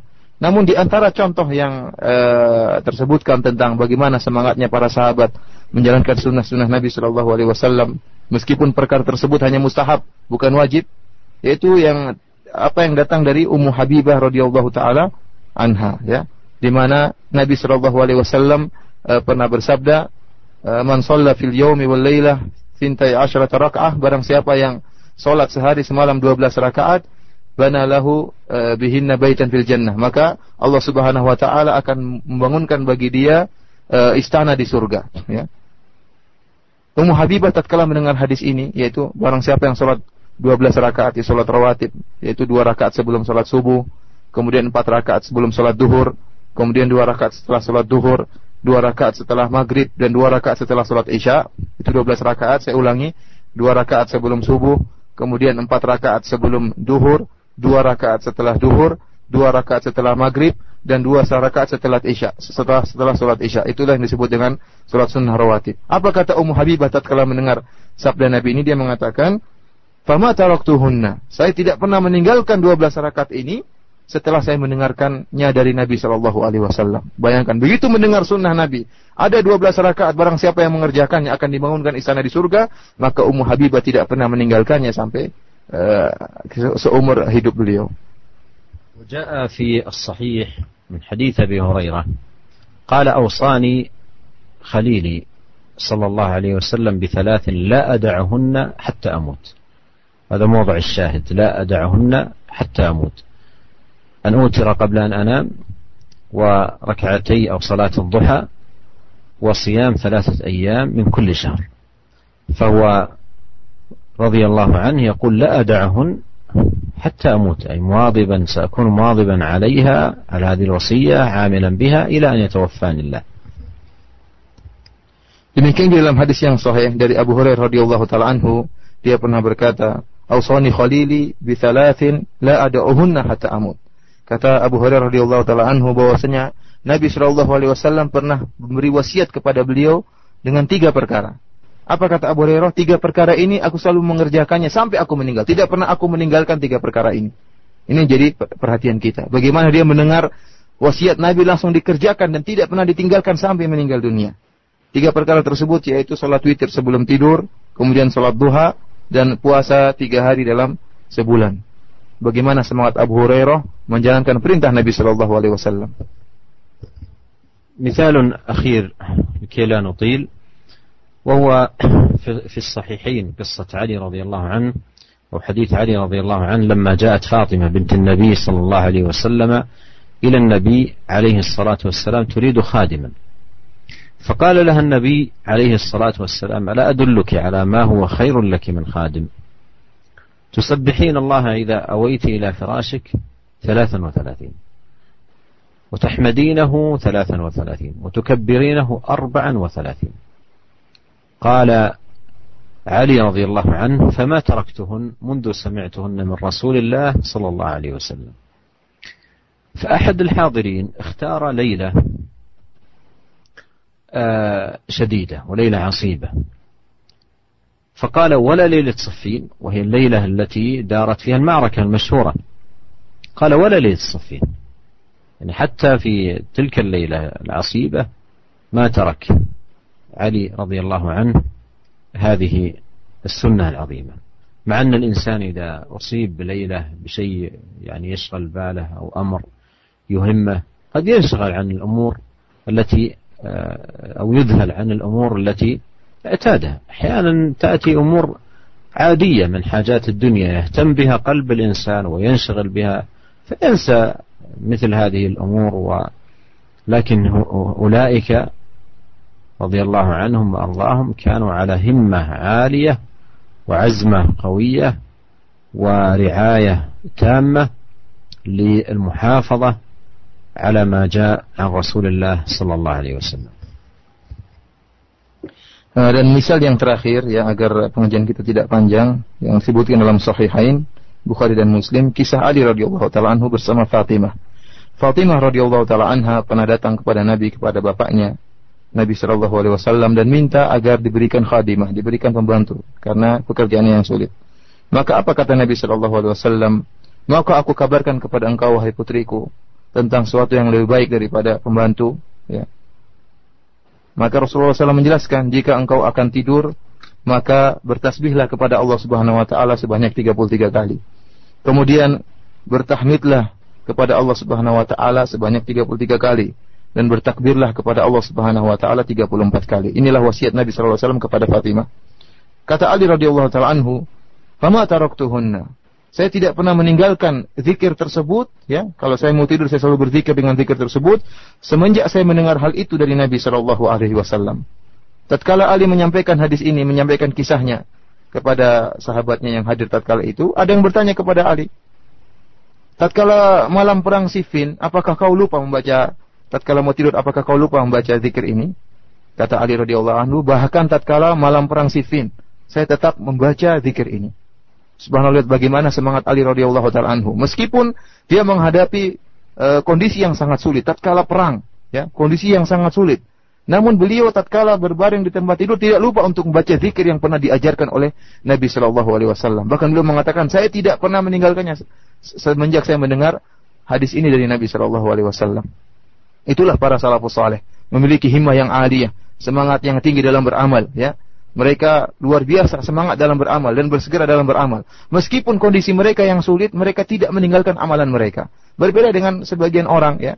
Sebagian kita kalau ada hajat dunia yang adi, ada perkara kebutuhan dunia yang sepele saja, mungkin hatinya sibuk, sibuk memikirkan kebutuhan tersebut, sibuk memikirkan hajah kebutuhan dunianya tersebut. Padahal perkaranya sepele. Akhirnya karena kesibukannya dia lupa untuk berzikir misalnya, lupa untuk menjalankan sunnah yang biasanya dia lakukan padahal karena ada perkara sepele. Lihatlah bagaimana Ali radhiyallahu anhu. Tatkala perang saja masih tetap berzikir dan tidak dianggap sepele oleh Ali radhiyallahu taala anhu. Tatkala mau tidur tetap dia membaca zikir tersebut. هذه حال السابقين رضي الله عنهم وارضاهم في العلم والعمل وواجبنا أن نكون تابعين لهم بإحسان لنفوز برضا الله سبحانه وتعالى. قال جل وعلا والسابقون الأولون من المهاجرين والأنصار والذين اتبعهم بإحسان رضي الله عنهم ورضوا عنه. فيحرص المسلم على العلم والعمل والسيرة في دين الله والمواظبة على طاعة الله وعبادته والاستقامة على شرعه ودينه. راجيا رحمة الله سبحانه وتعالى خائفا من عذابه إلى أن يتوفاه ربه وهو عنه راض وبهذا نختم الحديث والله أعلم وصلى الله وسلم على رسول الله Demikianlah para pendengar yang dimuliakan oleh Allah Subhanahu wa taala. Demikianlah bagaimana kondisi orang-orang terdahulu, para salafus saleh, para sahabat radhiyallahu anhum di mana mereka semangat dalam berilmu dan mereka juga semangat dalam beramal. Maka mereka pun mendapatkan kemenangan yang luar biasa, ketinggian derajat di sisi Allah Subhanahu wa taala. Maka wajib bagi kita untuk mengikuti mereka agar kita memperoleh apa yang mereka dapatkan, maka wajib bagi kita untuk menteladani mereka. Bukankah Allah Subhanahu wa taala telah berfirman, "Was-sabiqunal awwaluna minal muhajirin wal ansar walladzina ittaba'uuhum bi ihsan radhiyallahu anhum wa radu'an." Allah Subhanahu wa taala berfirman, dan orang-orang yang terdahulu yang masuk Islam terdahulu yaitu para sahabat. Minal muhajirin wal ansar dari kalangan muhajirin kaum muhajirin dan kaum ansar. Allah meridai mereka dan mereka pun ridho kepada Allah Subhanahu wa taala. Walladzina tabauhum bi ihsan demikian juga orang-orang yang mengikuti mereka. Mereka akan juga diridhai oleh Allah Subhanahu wa taala. Kalau kita ingin mendapatkan apa yang mereka dapatkan, ingin mendapatkan keridhaan Allah, keridhaan Allah Subhanahu wa taala, maka wajib bagi kita untuk mengikuti apa yang telah mereka lakukan maka hendaknya seorang muslim semangat dalam menuntut ilmu dan semangat dalam beramal ya bertafaqquh fid din ya tabassur fid din memperoleh basirah berilmu dalam beramal dan berusaha untuk senantiasa istiqamah ya hingga dia meninggal uh, dunia. Dalam keadaan rajian rahmat Allah dalam keadaan uh, mengharapkan rahmat Allah Subhanahu wa taala. Kemudian juga takut kepada azab Allah Subhanahu wa taala demikian juga demikian seterusnya kondisinya menuntut ilmu dan beramal dan istiqamah hingga Allah Subhanahu wa taala uh, mengambil rohnya. Demikian saja pengajian yang bisa kita sampaikan pada halakoh kita hari ini. Semoga bermanfaat bagi kita dan para pendengar sekalian. أعوذ بالله من الشيطان الرجيم. الذين يقولون ربنا إننا آمنا فاغفر لنا ذنوبنا فاغفر لنا ذنوبنا وقنا عذاب النار.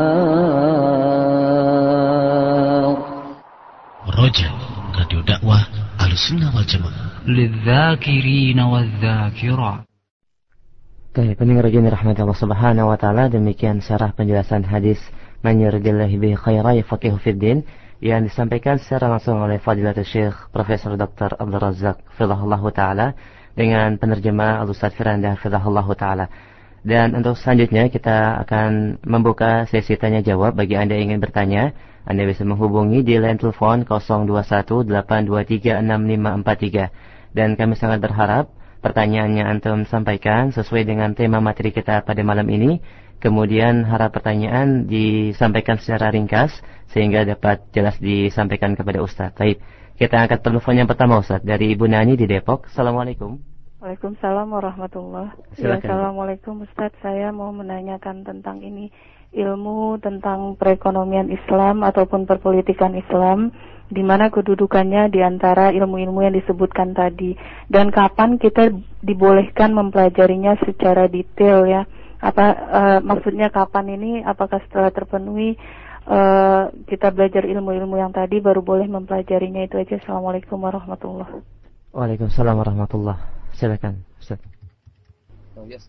هي تسأل عن علوم متعلقة بالاقتصاد بالسياسة هل يجوز يعني نحن نخوض في مثل هذه الأمور قبل فلتعلم مثل خبرات عندنا يعني يجوز لنا مثلا أو متى متى يجوز لنا يعني كذا العوام والمبتدئين فرضهم الفقه في ضروريات الدين والاشتغال بما خلقوا لأجله وأوجدوا لتحقيقه وهو عبادة الله سبحانه وتعالى وإخلاص الدين له. والأمور الأخرى هذه لا لا يشتغل بها الإنسان مضيعا بالاشتغال بها فرضه الواجب الذي يسأله الله سبحانه وتعالى عنه يوم القيامة. ولهذا أشرت في حلقة هذا اليوم إلى المنهج السديد الذي ينبغي أن يكون عليه المسلم في تدرجه في طلب العلم وأنه يعرف أمور الإيمان والعقيدة ثم مباني الإسلام ثم يعرف المحرمات ثم ينطلق في معرفة الرغائب والمستحبات والآداب وهكذا يكون سيره في طلب العلم وتحصيله Uh, saya menjelaskan bahwasanya orang-orang awam demikian juga para pemula ya yang baru belajar uh, mempelajari tafakufiddin maka hendaknya wajib bagi dia untuk pelajari perkara-perkara yang wajib bagi dia ya, tentang perkara-perkara dasar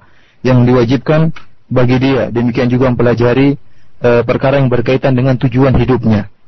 Bukankah tujuan hidupnya sebagaimana firman Allah Subhanahu wa taala adalah untuk beribadah kepada Allah Subhanahu wa taala untuk berakidah tentang Allah Subhanahu wa taala, maka itu yang pertama kali dia perhatikan, perkara-perkara yang wajib dan e, yang berkaitan dengan tujuan hidup dia di atas muka bumi ini.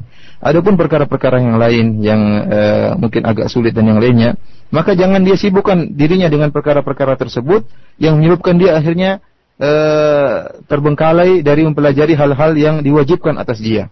Yang dia akan ditanya oleh Allah Subhanahu wa taala pada hari kiamat kelak, ya di hari kiamat dia akan ditanya tentang hal-hal yang diwajibkan pada dia. Adapun yang tidak diwajibkan bagi dia tidak akan ditanya oleh Allah Subhanahu wa taala. Oleh karena itu saya menjelaskan dia telah memberi, memberi isyarat dalam pengajian kita kali ini tentang tadarruj tingkatan-tingkatan tatkala kita menuntut ilmu. Syekh tadi menjelaskan bahwasanya seorang muslim hendaknya mempelajari tentang rukun rukun iman, iman kepada Allah, malaikat dan seterusnya. Kemudian juga Syekh telah menjelaskan setelah itu dia mempelajari rukun Islam ya, perkara-perkara yang merupakan kewajiban dia tentang syahadatain, sholat, zakat, puasa dan dan yang lainnya. Baru kemudian dia pindah pada tingkatan selanjutnya belajar tentang adab, tentang akhlak ya. Yang ini merupakan dasar-dasar yang harus dia kuasai. Kewajiban-kewajiban yang harus dia laksanakan karena Allah Subhanahu wa taala akan bertanya kepada dia tentang hal-hal yang diwajibkan. Adapun perkara yang lain tidak akan ditanya oleh Allah Subhanahu wa taala. Ini uh, kewajiban bagi orang yang awam atau yang baru mempelajari tafaqquh fiddin. Baik, demikian jawabannya Ibu Nani di Depok dan kita angkat kembali Ustaz penelpon yang kedua. Assalamualaikum. Waalaikumsalam. Dengan siapa Umu di mana? Dengan Ibu Ida di Gilang. Iya, silahkan. Assalamualaikum Pak Ustaz. Saya dengan Ibu Ida mau bertanya satu mengenai bagaimana wanita untuk meningkatkan ibadahnya supaya lebih baik lagi menjadi wanita soleha. Tadi saya mendengar menjalankan uh, sholat-sholat sunnah ba'da atau qobliyah. Saya pengen lebih diperjelas lagi. Terima kasih. Assalamualaikum. Waalaikumsalam warahmatullahi wabarakatuh. Baik, silakan Ustaz. وكنت أسمع حديث أم حبيبة كيف يطبق صلوات الراتبة لو تبين تفصل أكثر من صلوات الراتبة أسأل الله لهذه الأخت السائلة أن يجعلها امرأة صالحة وأن يوفقها للائتساب بأم حبيبة وغيرها من الصحابيات وجميع المستمعات وجميع المستمعين. أسأل الله عز وجل لهم التوفيق لذلك. وقصة أم حبيبة هذه مثال واحد وإلا كما ذكرت في الكلام الأمثلة على ذلك كثيرة. فأم حبيبة رضي الله عنها سمعت النبي عليه الصلاة والسلام يقول من حافظ على ثنتي عشرة ركعة في اليوم والليلة بنى الله له بيتا في الجنة. بنى الله له بيتا في الجنة. والثنتي عشرة ركعة ركعتان قبل صلاة الفجر يعني بعد أن يؤذن المؤذن لصلاة الفجر وقبل أداء الفريضة يصلى ركعتين. والسنة أن يقرأ في هاتين الركعتين بقل هو الله بقل يا أيها الكافرون وقل هو الله أحد. بقل يا أيها الكافرون وقل هو الله أحد. قال أهل العلم حتى نفتتح اليوم بالتوحيد. وركعتي آه، أربع ركعات قبل صلاة الظهر يعني بعد أن يؤذن وقبل أن نصلي آه، صلاة الظهر نصلي ركعتين ونسلم ثم ركعتين ونسلم.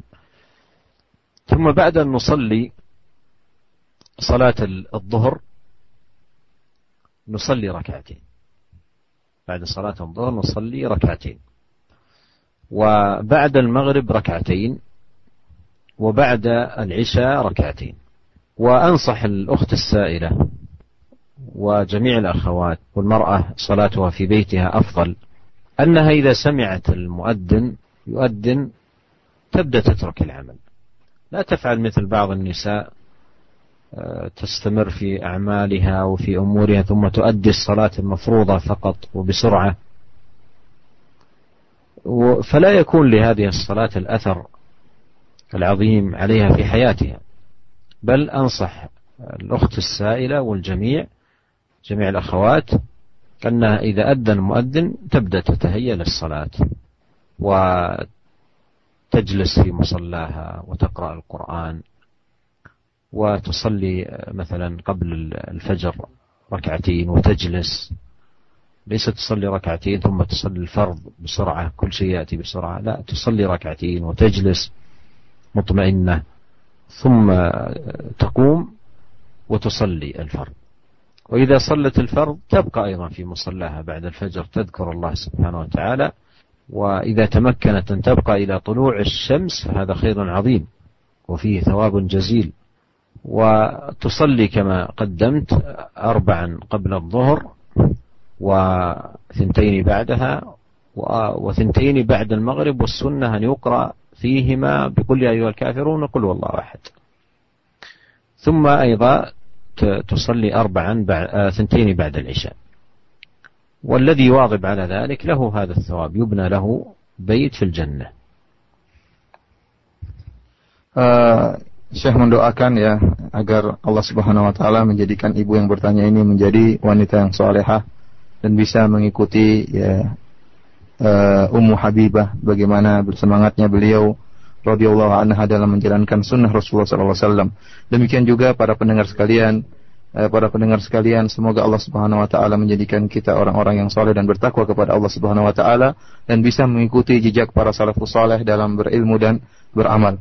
Adapun kisah Ummi Habibah itu hanyalah kisah, eh, kisah satu kisah di antara sekian banyak kisah dari para salafus saleh di mana semangat beliau untuk menjalankan sunnah ratibah ya salawat ratibah yang diajarkan oleh Nabi SAW. Tatkala dia mendengarkan hadis Nabi SAW, barang siapa yang bisa menjaga solat 12 rakaat dalam sehari semalam, maka Allah Subhanahu wa taala akan bangunkan bagi dia istana di surga. Maka Ummu Habibah tidak pernah meninggalkan 12 rakaat ini. Selalu dia kerjakan sampai meninggal dunia. 12 rakaat tersebut yaitu uh, dua rakaat sebelum sholat subuh, ya, sebelum sholat subuh. Jadi tatkala uh, muadzin mengumandangkan azannya, maka kita pun sholat dua rakaat sebelum iqamah. Setelah itu setelah iqamah maka kita pun mengerjakan uh, sholat subuh dua rakaat. Kita baca pada dua rakaat ini, rakaat pertama kita baca surat kuliah ayuhal kafirun dan seterusnya. Adapun rakaat yang kedua kita membacakan surat kul huwallahu ahad, surat al-ikhlas. Ya, kata para ulama, ya barang siapa yang membaca dua surat ini di tatkala dua rakaat sebelum sholat subuh, maka dia telah membuka harinya dengan tauhid. Yang mengingatkan kita pada tauhid. Karena kedua surat tersebut, Kuliah Ahul Kafirun dan Kulullah Ahad adalah surat yang mengingatkan kita tentang tauhid kepada Allah Subhanahu wa taala. Jadi dua rakaat sebelum sholat subuh. Kemudian empat rakaat sebelum sholat zuhur. Ya, demikian. Pertama setelah azan kita pun sholat empat rakaat. Caranya dua rakaat kemudian salam, kemudian dua rakaat lagi, kemudian salam. Setelah itu kita pun sholat fard, sholat zuhur empat rakaat. Setelah sholat zuhur empat rakaat, kita juga sholat dua rakaat setelah zuhur. Empat rakaat sebelum dan dua rakaat setelah zuhur. Kemudian e, setelah maghrib, setelah maghrib kita sholat dua rakaat. Demi sama seperti sholat sebelum subuh. Kita baca rakaat pertama kuliah ayuhal kafirun dan rakaat kedua kita baca kul huwallahu ahad. kemudian juga dua rakaat setelah sholat isya. Ya, inilah 12 rakaat. Saya ulangi empat, dua rakaat sebelum subuh, empat rakaat sebelum duhur, dua rakaat setelah duhur, dua rakaat setelah maghrib dan dua rakaat setelah sholat isya. Kemudian Syekh uh, menasihati kepada ibu penanya, ya demikian juga para ibu-ibu yang lain yang mendengarkan radio Roja di mana pun anda berada, ya bahwasanya janganlah kita seperti ibu-ibu yang yang salah dalam mempraktikkan hal ini. Banyak dari ibu-ibu ya tatkala mendengarkan suara azan muazin sudah mengumandangkan azan, mereka tetap dalam amal mereka, dalam pekerjaan mereka, tidak segera untuk salat sunnah. Namun mereka tetap bekerja dan bekerja. Sampai kemudian mungkin setelah salat baru kemudian segera setelah iqamat atau bahkan setelah dari itu baru kemudian ibu-ibu tersebut bersegera salat e, fardu saja, hanya salat zuhur saja, hanya salat maghrib saja tanpa salat rawatib. Itu pun dikerjakan dengan segera ya. Kenapa? Karena mereka sibuk dengan pekerjaan. Oleh karena itu Syekh menasihati ibu penanya dan demikian juga para pendengar sekalian, begitu ibu-ibu di rumah mereka ya, karena ibu-ibu yang lebih afdal salat di rumah, tatkala mereka mendengarkan azan, hendaknya mereka segera meninggalkan pekerjaan mereka. Pekerjaan rumah mereka mereka tinggalkan. Segera kemudian mereka pun segera salat sunnah, kemudian duduk menunggu iqamat. Begitu salat sunnah selesai, kemudian zikir kepada Allah Subhanahu wa taala atau baca Al-Qur'an ya, baru kemudian melaksanakan salat uh, wajib. Ya. Kalau mereka melakukan hal ini dalam sholat-sholatnya, maka ada akan ada pengaruhnya dalam kehidupan mereka sehari-hari. Ini akan memberi azar dalam kehidupan mereka sehari-hari, pengaruh. Adapun ibu-ibu yang sholat dengan bersegera, ya tanpa memperhatikan sholat sunnah, hanya sekedar sholat fardu saja, lihat bahwasanya pengaruh sholat tersebut dalam kehidupan mereka kurang berpengaruh. Tidak sebagaimana ibu-ibu yang memperhatikan sholat sunnah, kemudian duduk berzikir dan baca uh, Al-Quran. Kemudian Syekh mengatakan demikian juga sholat subuh. Kalau seorang seorang ibu ya dimudahkan oleh Allah Subhanahu wa taala maka hendaknya setelah dia sholat dua rakaat sebelum subuh kemudian dia uh, berzikir baca Quran kemudian setelah iqamat dia pun sholat subuh setelah itu pun dia duduk berzikir kepada Allah Subhanahu wa taala kalau bisa sampai terbit matahari agar dia memperoleh uh, memperoleh pahala yang luar biasa dari Allah Subhanahu uh, wa taala ya. Uh, demikian uh, jawaban dari uh, Syekh.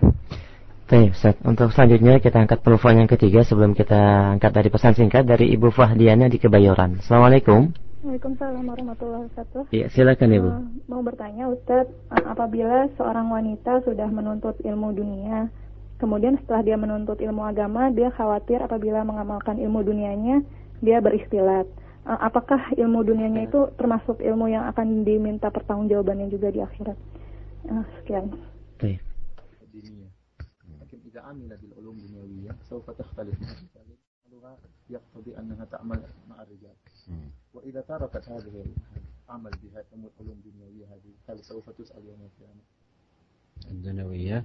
لأن إذا عملت سوف تختلف مع الرجال إذا لم تتمكن من العمل إلا بالاختلاط مع الرجال فلا يضرها. لا يضرها ترك العمل وترك الإفادة في آه، هذه العلوم الدنيوية. إذا كان آه، ذلك لا بد فيه من اختلاط بالرجال. أما إذا تمكنت أن تفيد. بغير اختلاط في الرجال فهذا جيد ونافع وتقدم خدمات للناس في الطب مثلا إن كانت طبيبة أو في الأمور بدون أن تختلط. أما الاختلاط شر شر عظيم. والنبي صلى الله عليه وسلم نهى عنه في أشرف البقاع في المساجد. قال عليه الصلاة والسلام خير صفوف الرجال أولها وشرها آخرها وخير صفوف النساء آخرها وشرها أولها. أي أن المرأة ينبغي عليها أن تكون بعيدة. عن الرجال. Eh, Syekh menjelaskan bahwasanya jika seorang wanita ya sudah menuntut ilmu ilmu dunia kemudian jika dia amalkan ternyata khawatir bisa ikhtilat dengan para laki-laki maka kata Syekh tidak tidak perlu diamalkan ya tidak perlu diamalkan dan ini insya Allah tidak akan beri mudarat kepada dia akan tapi jika dia ternyata mampu untuk mengamalkan ilmu dunia yang telah dia pelajari sehingga bisa beri faedah kepada masyarakat Contohnya tatkala dia mungkin belajar ilmu kedokteran ya, kemudian dia mampu untuk uh, membuka praktek tanpa ada ikhtilat dengan laki-laki, maka ini sangat bagus, sangat baik karena memberi faedah kepada e, masyarakat. Adapun kalau ternyata dia amalkan membuat dia akhirnya ikhtilat dengan para lelaki, maka tidak dia tidak dia amalkan. Karena ikhtilat, e, masalah ikhtilat sangat dilarang oleh Rasulullah sallallahu alaihi wasallam. Bahkan Nabi sallallahu alaihi wasallam melarang ikhtilat di tempat yang sangat mulia yaitu di masjid. Rasulullah SAW pernah bersabda, khairu sufufir rijal, yaitu safnya laki-laki yang terbaik adalah awaluha, yang paling awal. Dan yang paling jelek adalah akhirnya, yang paling buruk. Sebaliknya, khairu sufufin nisa, saf wanita yang paling baik adalah yang paling terakhir, yang paling belakang. Rasulullah SAW mengatur bahwasanya laki-laki hendaknya paling depan, adapun perempuan yang paling baik adalah yang paling belakang untuk menghindari adanya ikhtilat. Itu padahal di masjid. Itu pun dilarang untuk ikhtilat. Bagaimana di tempat yang yang lain. Baik, selanjutnya akan kita angkat beberapa pertanyaan dari pesan singkat yang sudah masuk. Di antaranya dari Salihin di Bekasi. Assalamualaikum warahmatullahi wabarakatuh. Ya Syekh, mohon nasihatnya kepada kami para mubtadiin dalam rangka bertafakuh fiddin dan mengenal manhaj yang hak ini. Kitab-kitab apa saja yang mesti dijadikan rujukan atau yang pertama kali kita belajar untuk menuntut ilmu. Jazakumullah khair.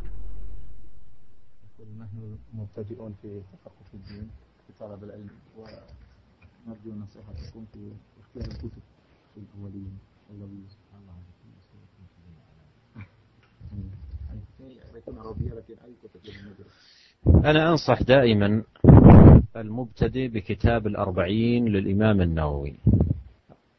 أنصح بهذا الكتاب كثيرا. هذا كتاب عظيم جدا وينصح به كل مبتدئ. تحفظ أحاديث هذا الكتاب وهي 42 حديثا حفظا جيدا ويحرص على سماع شرح لهذه الأحاديث وبيان معانيها ومدلولاتها ثم بعد ذلك ينطلق في كتب العلم الأخرى لكن البداية والأساس هذا الكتاب العظيم Uh, beliau menjelaskan bahwasanya dan ini selalu beliau nasihatkan yaitu bagi orang pemula yang ingin belajar agama maka hendaknya dia mempelajari kitab Arba'in Nawawiyah yang mempelajari ini bukan sekedar tapi belajar dengan sungguh-sungguh. Berusaha untuk menghafalkannya hadis-hadisnya cuma 42 hadis dihafalkan dengan hafal yang uh, dengan yang mungkin kemudian berusaha mengambil faedah-faedah dari hadis-hadis ini ya. ya karena uh, kitab ini kitab yang sangat agung dan saya selalu memberi nasihat kepada orang-orang yang ingin belajar untuk menguasai kitab ini dengan penguasaan yang benar-benar penguasaan ya baik dari hafalan maupun dari mengambil istifadah atau faedah-faedah yang diambil dari hadis-hadis uh, tersebut. Kemudian setelah dia kuasai kitab Arba'in Nawawiyah, baik hafalan maupun penguasaan kandungan dari hadis-hadis tersebut, maka dia pun mempelajari kitab-kitab yang lain. Baik, pertanyaan yang kedua dari Abu Hafiz di Cawang dan yang lainnya, Ustaz. Assalamualaikum warahmatullahi wabarakatuh. Ustaz, jika kita tidak mampu mengamalkan ilmu yang tidak yang kita dapat, ya tidak mampu mengamalkan ilmu yang kita dapat, apakah yang harus kita lakukan agar tidak dihukum dan kemudian apakah setiap hadis yang kita terima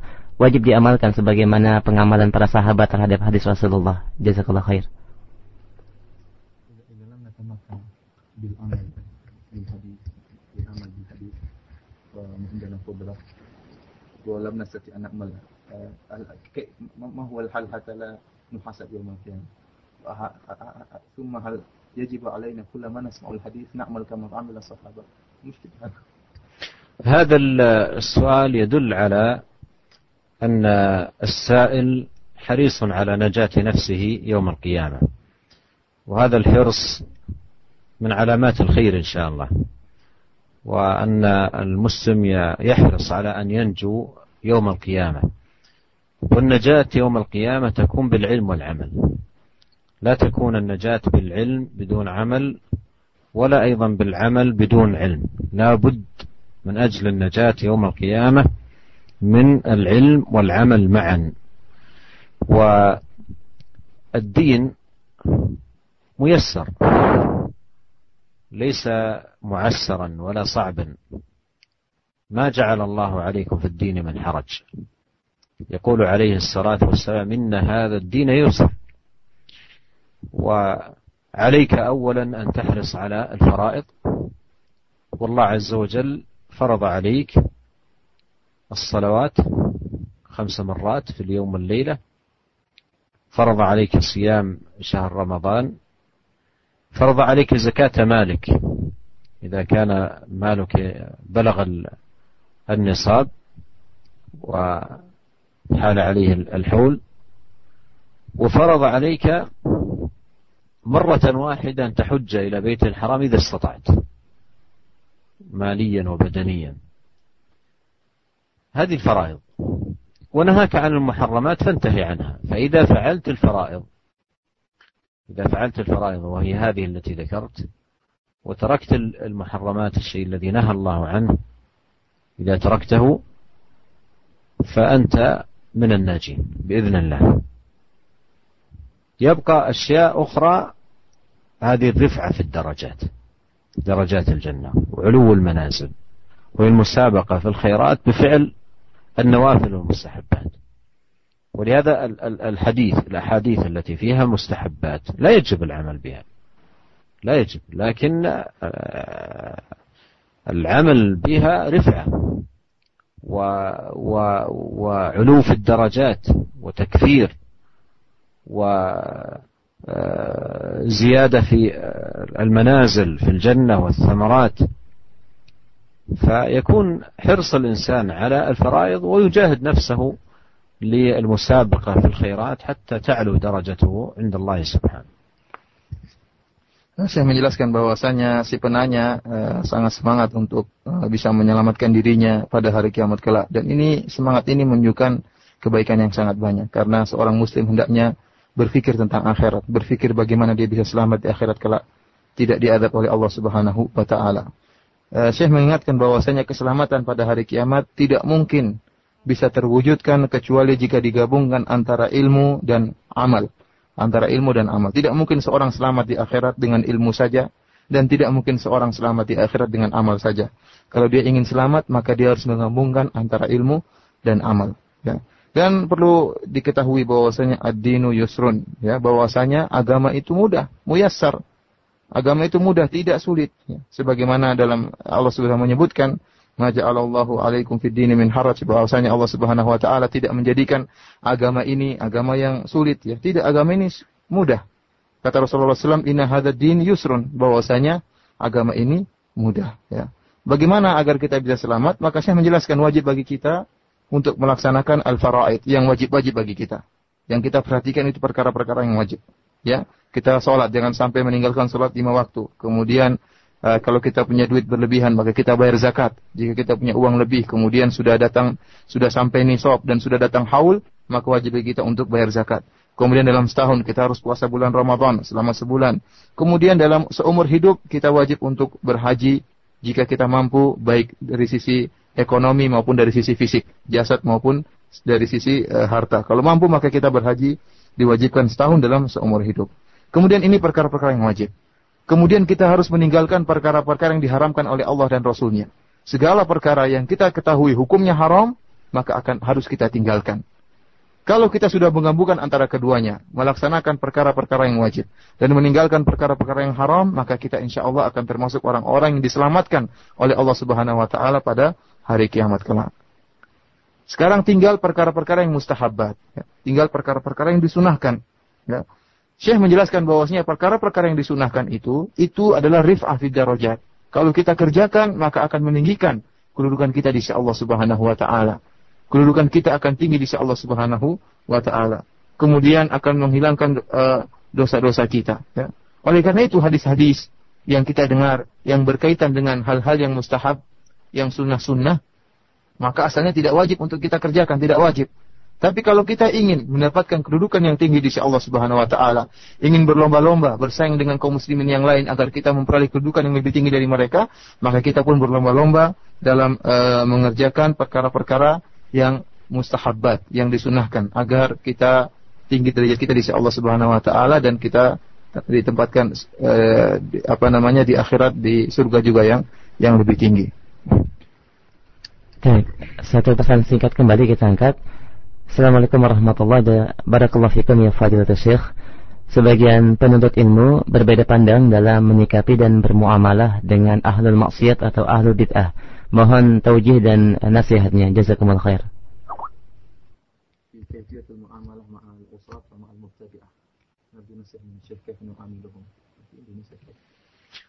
العصاة الذين ابتلوا ببعض المعاصي وبعض الذنوب.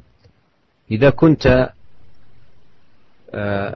لديك علم ولديك فهم وبصيرة ومعرفة بالأدلة فحاول مناصحة هؤلاء بالرفق وبالكلام اللين وتذكر لهم النصوص والأدلة وتدعو لهم بظهر الغيب أن يهديهم الله سبحانه وتعالى وأن يردهم إلى الحق ردا جميلا.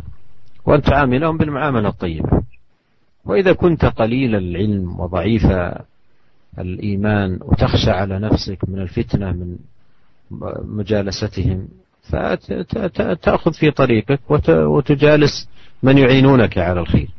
لكن إذا كان عندك علم وعندك فهم وعندك بصيرة في دين الله فإنك تلاقيهم وتكلمهم وتعظهم وتنصحهم ولا بأس أن تأتي إليهم في أماكنهم لمناصحتهم وتوجيههم فالدعوة والأمر معروف والنهي عن المنكر مطلوب بالرفق وباللين وبالكلمة الحسنة حتى يستفيد الناس Syekh menjelaskan bahwasanya pelaku maksiat yaitu orang-orang yang terjerumus dalam dosa-dosa ya.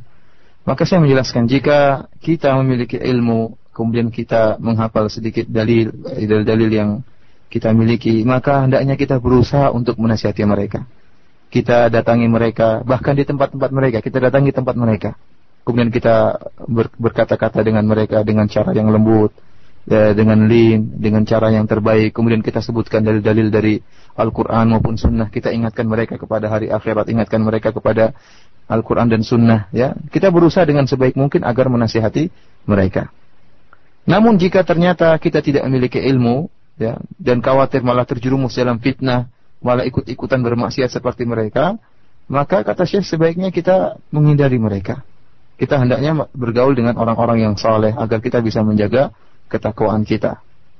Ya, jadi kalau yang punya ilmu maka hendaknya berusaha untuk menasihati mereka karena mereka juga butuh kepada hidayah. Bahkan Syekh mengatakan tidak mengapa jika kita datang ke amakinihim, kita datang ke tempat-tempat mereka, berusaha untuk menasihati mereka dengan cara yang lembut. Bukankah kita ingin mereka juga dapat hidayah sebagaimana kita mendapatkan hidayah? Karena al-amr bil ma'ruf wa nahi anil munkar ya bahwasanya perkara amar ma'ruf dan nahi, nahi munkar itu butuh uh, dengan kelembutan dan uh, kesabaran dalam uh, menyampaikannya. Baik, kita angkat kembali dari telepon dari Ummu Ihsan di Bekasi. Assalamualaikum. Waalaikumsalam warahmatullahi. Ya, silakan. Iya, uh, Assalamualaikum, Syekh. Uh, sekarang saat ini kan banyak orang-orang yang berilmu. Tapi uh, saya ingin menanyakan manakah ilmu yang paling benar dan mana amalan yang paling benar dan bagaimana uh, mencapai kesempurnaan diri dari keduanya. Jazakumullah khairan. Assalamualaikum. Waalaikumsalam warahmatullahi wabarakatuh.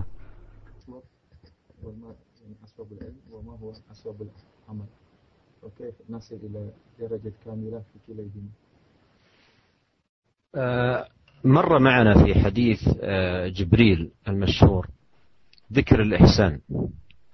والإحسان هو أعلى مراتب الدين. والإحسان هو أعلى مراتب الدين. والإحسان هو الإتقان والإجادة. و آه، الهمة العالية الطيبة من هذه السائلة في البحث عن أعلى الدرجات. هذا إن شاء الله من من علامات الخير. من علامات الخير. والإحسان الذي هو أعلى درجات الدين أن يحرص الإنسان على مجاهد نفسه على تمام العلم والبصيرة في دين الله وتمام العمل بمواصلة الجد والاجتهاد في طلب العلم وأيضا في باب التقرب إلى الله سبحانه وتعالى إلى أن يصل إلى أعلى الدرجات.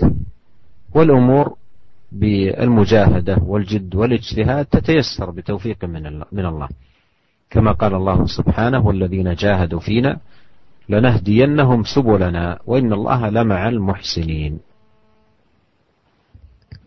Saya menjelaskan bahwasanya telah lalu penjelasan kita tentang hadis Jibril di mana Rasulullah SAW menjelaskan uh, ihsan, derajat ihsan yaitu yang lebih tinggi daripada derajat Islam dan derajat iman. Jadi ihsan merupakan derajat yang paling tinggi dalam agama ya. Dan ihsan adalah bagaimana kita bisa sebaik-baiknya dalam menuntut ilmu dan sebaik-baiknya dalam beramal. Uh, nampak dari penanya bahwasanya dia begitu semangat untuk mengetahui ya untuk mencapai derajat yang tertinggi dalam agama ini dan ini merupakan uh, tanda-tanda kebaikan. Oleh karena itu, uh, Syekh menjelaskan bahwasanya untuk mencapai derajat ihsan, derajat yang tertinggi dalam agama ini, yaitu seorang berusaha untuk sesempurna mungkin dalam menuntut ilmu dan berusaha sesempurna mungkin dalam beramal. Yaitu dia bersungguh-sungguh dalam menuntut ilmu, dalam mendengarkan pengajian, dalam mendengarkan uh, muhadarah, pengajian-pengajian. Demikian juga dia berusaha se semaksimal mungkin, sebaik-baiknya tatkala mengamalkan apa yang telah dia ilmui. Ya maka jika dia telah berusaha sungguh-sungguh akan akan dimudahkan oleh Allah Subhanahu wa taala. Perkaranya tinggal kesungguhan. Butuh mujahadah, butuh kesungguhan. Dan kalau orang sudah bersungguh-sungguh dan Allah mengetahui kesungguhannya, Allah akan mudahkan perkaranya. Walladzina jahadu fina lanahdiyannahum subulana. Wa inna Allah ma'al muhsinin. Kata Allah Subhanahu wa taala, barang siapa yang bersungguh-sungguh untuk menempuh jalanku, maka aku akan tunjukkan jalan-jalanku kepadanya. Dan sungguhnya Allah Subhanahu wa taala bersama dengan orang-orang yang berbuat ihsan. Baik, saat kita selanjutnya akan angkat kembali dari telepon dari Pak Eko di Bekasi. Assalamualaikum. Waalaikumsalam warahmatullahi Assalamualaikum Syekh dan Ustaz Firanda. Barakallahu fikum. Semoga Allah menjaga Anda berdua. Uh, yang anak ingin tanyakan tentang kepakian seseorang terhadap din ini uh, ukuran standarnya seperti apa? Apakah setiap ilmu yang diketahui itu kita mengetahui secara dalil-dalilnya dengan terperinci atau hanya sebatas uh, ketika misalkan seseorang masalah sholat gitu dari takbir sampai salam uh, dia hanya sekedar mendengar saja dari penjelasan seorang ustadz tanpa pernah melihat buku atau membacanya secara langsung apakah dia dikatakan fakih atau bagaimana jazak uh, jazakumullah khairan assalamualaikum warahmatullah Waalaikumsalam warahmatullahi wabarakatuh هل فقط عندما رأى الشخص يصلي الفجر يعرف أن يكبر إلى يسلم أو لابد لابد يقرأ أن يكون أهل العلم يبين لماذا تقبل لماذا الأدلة متى يكون فقيها في علم من العلوم لا يكون الإنسان فقيها حتى يكون متعلما كما جاءت هذه الع... أي أي يعني كما جاء عن بعض السلف لا يكون فقيها حتى يكون متعلما ولا يكون متعلما حتى يكون بما يعمل عاملا. فإذا اجتمع له التفقه في الدين بتعلمه ومعرفته وأيضا العناية بالعمل به.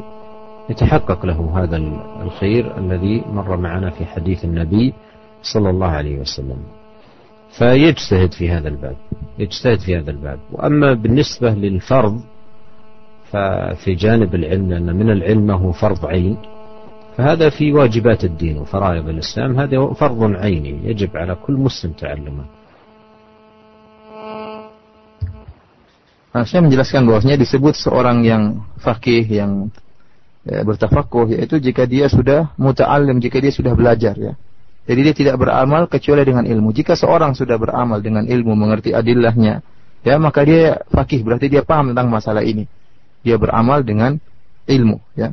Jadi seorang tidak disebut fakih kecuali jika dia telah berta'alum, jika dia telah belajar dan dia telah mengamalkan apa yang dia telah ilmui. Oleh karena itu seorang berusaha bersungguh-sungguh untuk bisa uh, mengerti, mengilmui apa yang dia amalkan. Jadi ilmu yang amal yang dikerjakan di atas ilmu. Kemudian uh, terutama perkara-perkara yang wajib kata Syekh karena kewajiban-kewajiban dalam syariat Islam itu ada fardu kifayah dan ada fardu ain. Yang perhatian bagi kita adalah yang fardu ain bagaimana kita bisa uh, berilmu, uh, beramal di atas ilmu dalam menjalankan perkara-perkara yang merupakan fardu ain. Demikian jawabannya dan kita angkat kembali satu penelpon dari, dari Bekasi dengan Ibu Ani. Assalamualaikum. Baik, kita ulangi kembali. Ada satu penelpon dari Ibu Ani di Bekasi. Assalamualaikum. Silahkan. Iya, silakan. Assalamualaikum, uh, Syekh. Uh, saya mau bertanya, uh, saya seorang ibu rumah tangga yang ingin sekali uh, setiap harinya untuk uh, melakukan hal-hal uh, uh, mendapatkan ilmu dan menjalankan amal yang baik. Hanya tapi uh, mungkin ada beberapa halangan, ya salah satunya uh, saya juga mengurus anak-anak uh, dan keluarga. Gimana nasihat saya agar saya bisa menjalankan uh, mendapatkan ilmu dan mengamalkannya dengan baik. Terima kasih. Assalamualaikum warahmatullahi wabarakatuh. Waalaikumsalam warahmatullahi wabarakatuh.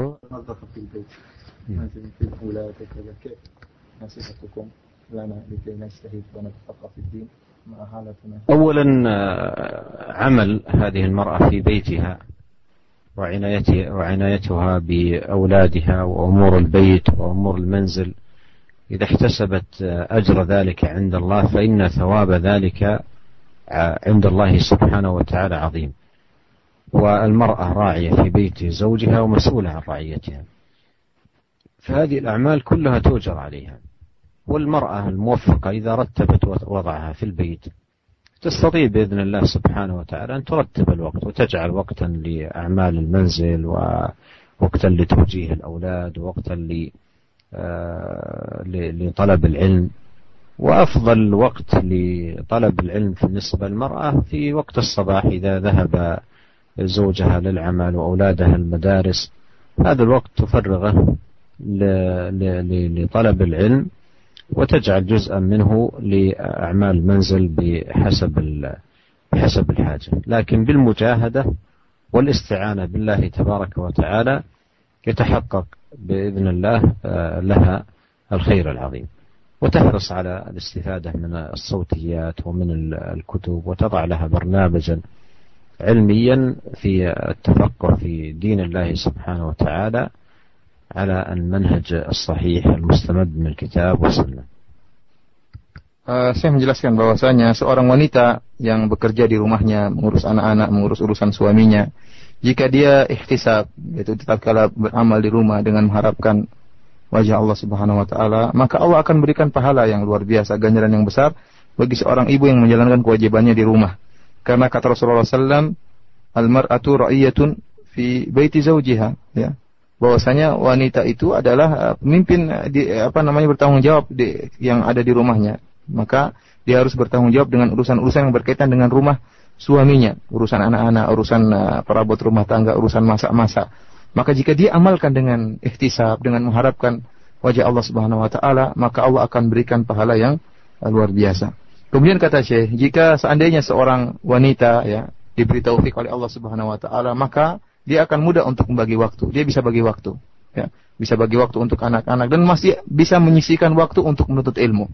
Ya, kalau memang pekerjaannya banyak, mesti ada sisa waktu untuk bisa menuntut ilmu.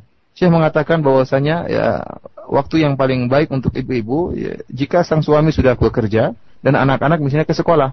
Ya tentunya anak-anak kalau sudah ke sekolah dia mungkin di pagi hari sibuk siapkan suami, siapkan barang-barang buat anak-anak yang ingin sekolah dan tatkala mereka sudah pergi kerja, sang suami sudah bekerja, anak-anak sudah pergi ke sekolah, maka ada waktu bagi dia untuk menuntut ilmu. Ya, Syekh mengatakan hendaknya uh, seorang wanita di rumahnya berusaha untuk uh, mengambil faedah dari uh, sautiat, dari pengajian-pengajian yang mungkin dengan dia dengan suara dia bisa sambil bekerja sambil bisa mendengarkan pengajian ya atau dengan buku ya. Kalau bisa dimudahkan lagi dia dengan baca buku. Adapun dengan pengajian yang dengan suara akan mudah bagi dia. Sambil beramal dia bisa mendengarkan radio, bisa mendengarkan pengajian dari kaset dan lain sebagainya. Kemudian jangan lupa untuk membuat uh, jadwal ya, membuat jadwal uh, mengenai waktu yang bagaimana dia belajar ya. Belajar dibuat jadwal. Jadi hanya bukan yang sekedar belajar begitu saja tapi dibuat jadwal sehingga memudahkan dia untuk belajar. Demikian saja uh, wallahu taala a'lam. طيب هذا سؤال آخر ونرجو من سماحتكم التلخيص من هذه المحاضرة فليتفضل مشكورا يا شيخ. آه ختاما آه أسأل الله عز وجل أن ينفعنا جميعا بما علمنا وأحب أن أشير إلى أن لقاء الغد في موضوع مهم وعظيم وكثير من الناس يسأل عنه وهو كيف يتهيأ الإنسان الاستقامة مع كثرة الفتن وكثرة الأمور التي تصد أو تلهي الإنسان عن آه، دين الله سبحانه وتعالى. فما هي الأمور والوسائل التي تعين الإنسان على الاستقامة وعلى الثبات على دين الله تبارك وتعالى؟ أذكر إن شاء الله في لقاء, لقاء الغد حديثا عظيما في هذا الباب وأعلق عليه بتعليقات أرجو الله سبحانه وتعالى أن تكون نافعة لنا جميعا. وصلى الله وسلم على عبده ورسوله نبينا محمد وآله وصحبه uh, di ujung pengajian kita pada hari ini yang kita mohon kepada Allah Subhanahu wa taala akan beri taufik kepada kita agar mudahkan kita untuk beramal apa yang telah kita ilmui. Uh, kemudian Syekh mengingatkan bahwasanya insyaallah uh, besok hari kita akan membahas suatu pembahasan yang sangat penting yang banyak ditanyakan oleh orang-orang yaitu bagaimana kita bisa tetap istiqomah padahal banyak fitnah yang menghadang. di mana-mana ada fitnah. Dengan banyaknya fitnah ini bagaimana kita bisa tetap istiqomah? Ya. Maka insya Allah saya akan menyebutkan besok tentang eh, perkara-perkara uh, yang merupakan wasilah sarana agar bisa mempertahankan istiqomah kita. Ya. Dan insya Allah besok akan dibahas satu hadis yang sangat agung yang berkaitan dengan masalah ini. Demikian saja. Uh, wassalamualaikum warahmatullahi wabarakatuh. أعوذ بالله من الشيطان الرجيم. الذين يقولون ربنا إننا آمنا فاغفر لنا ذنوبنا فاغفر لنا ذنوبنا وقنا عذاب النار. رجع راديو دعوة السنة والجماعة للذاكرين والذاكرات.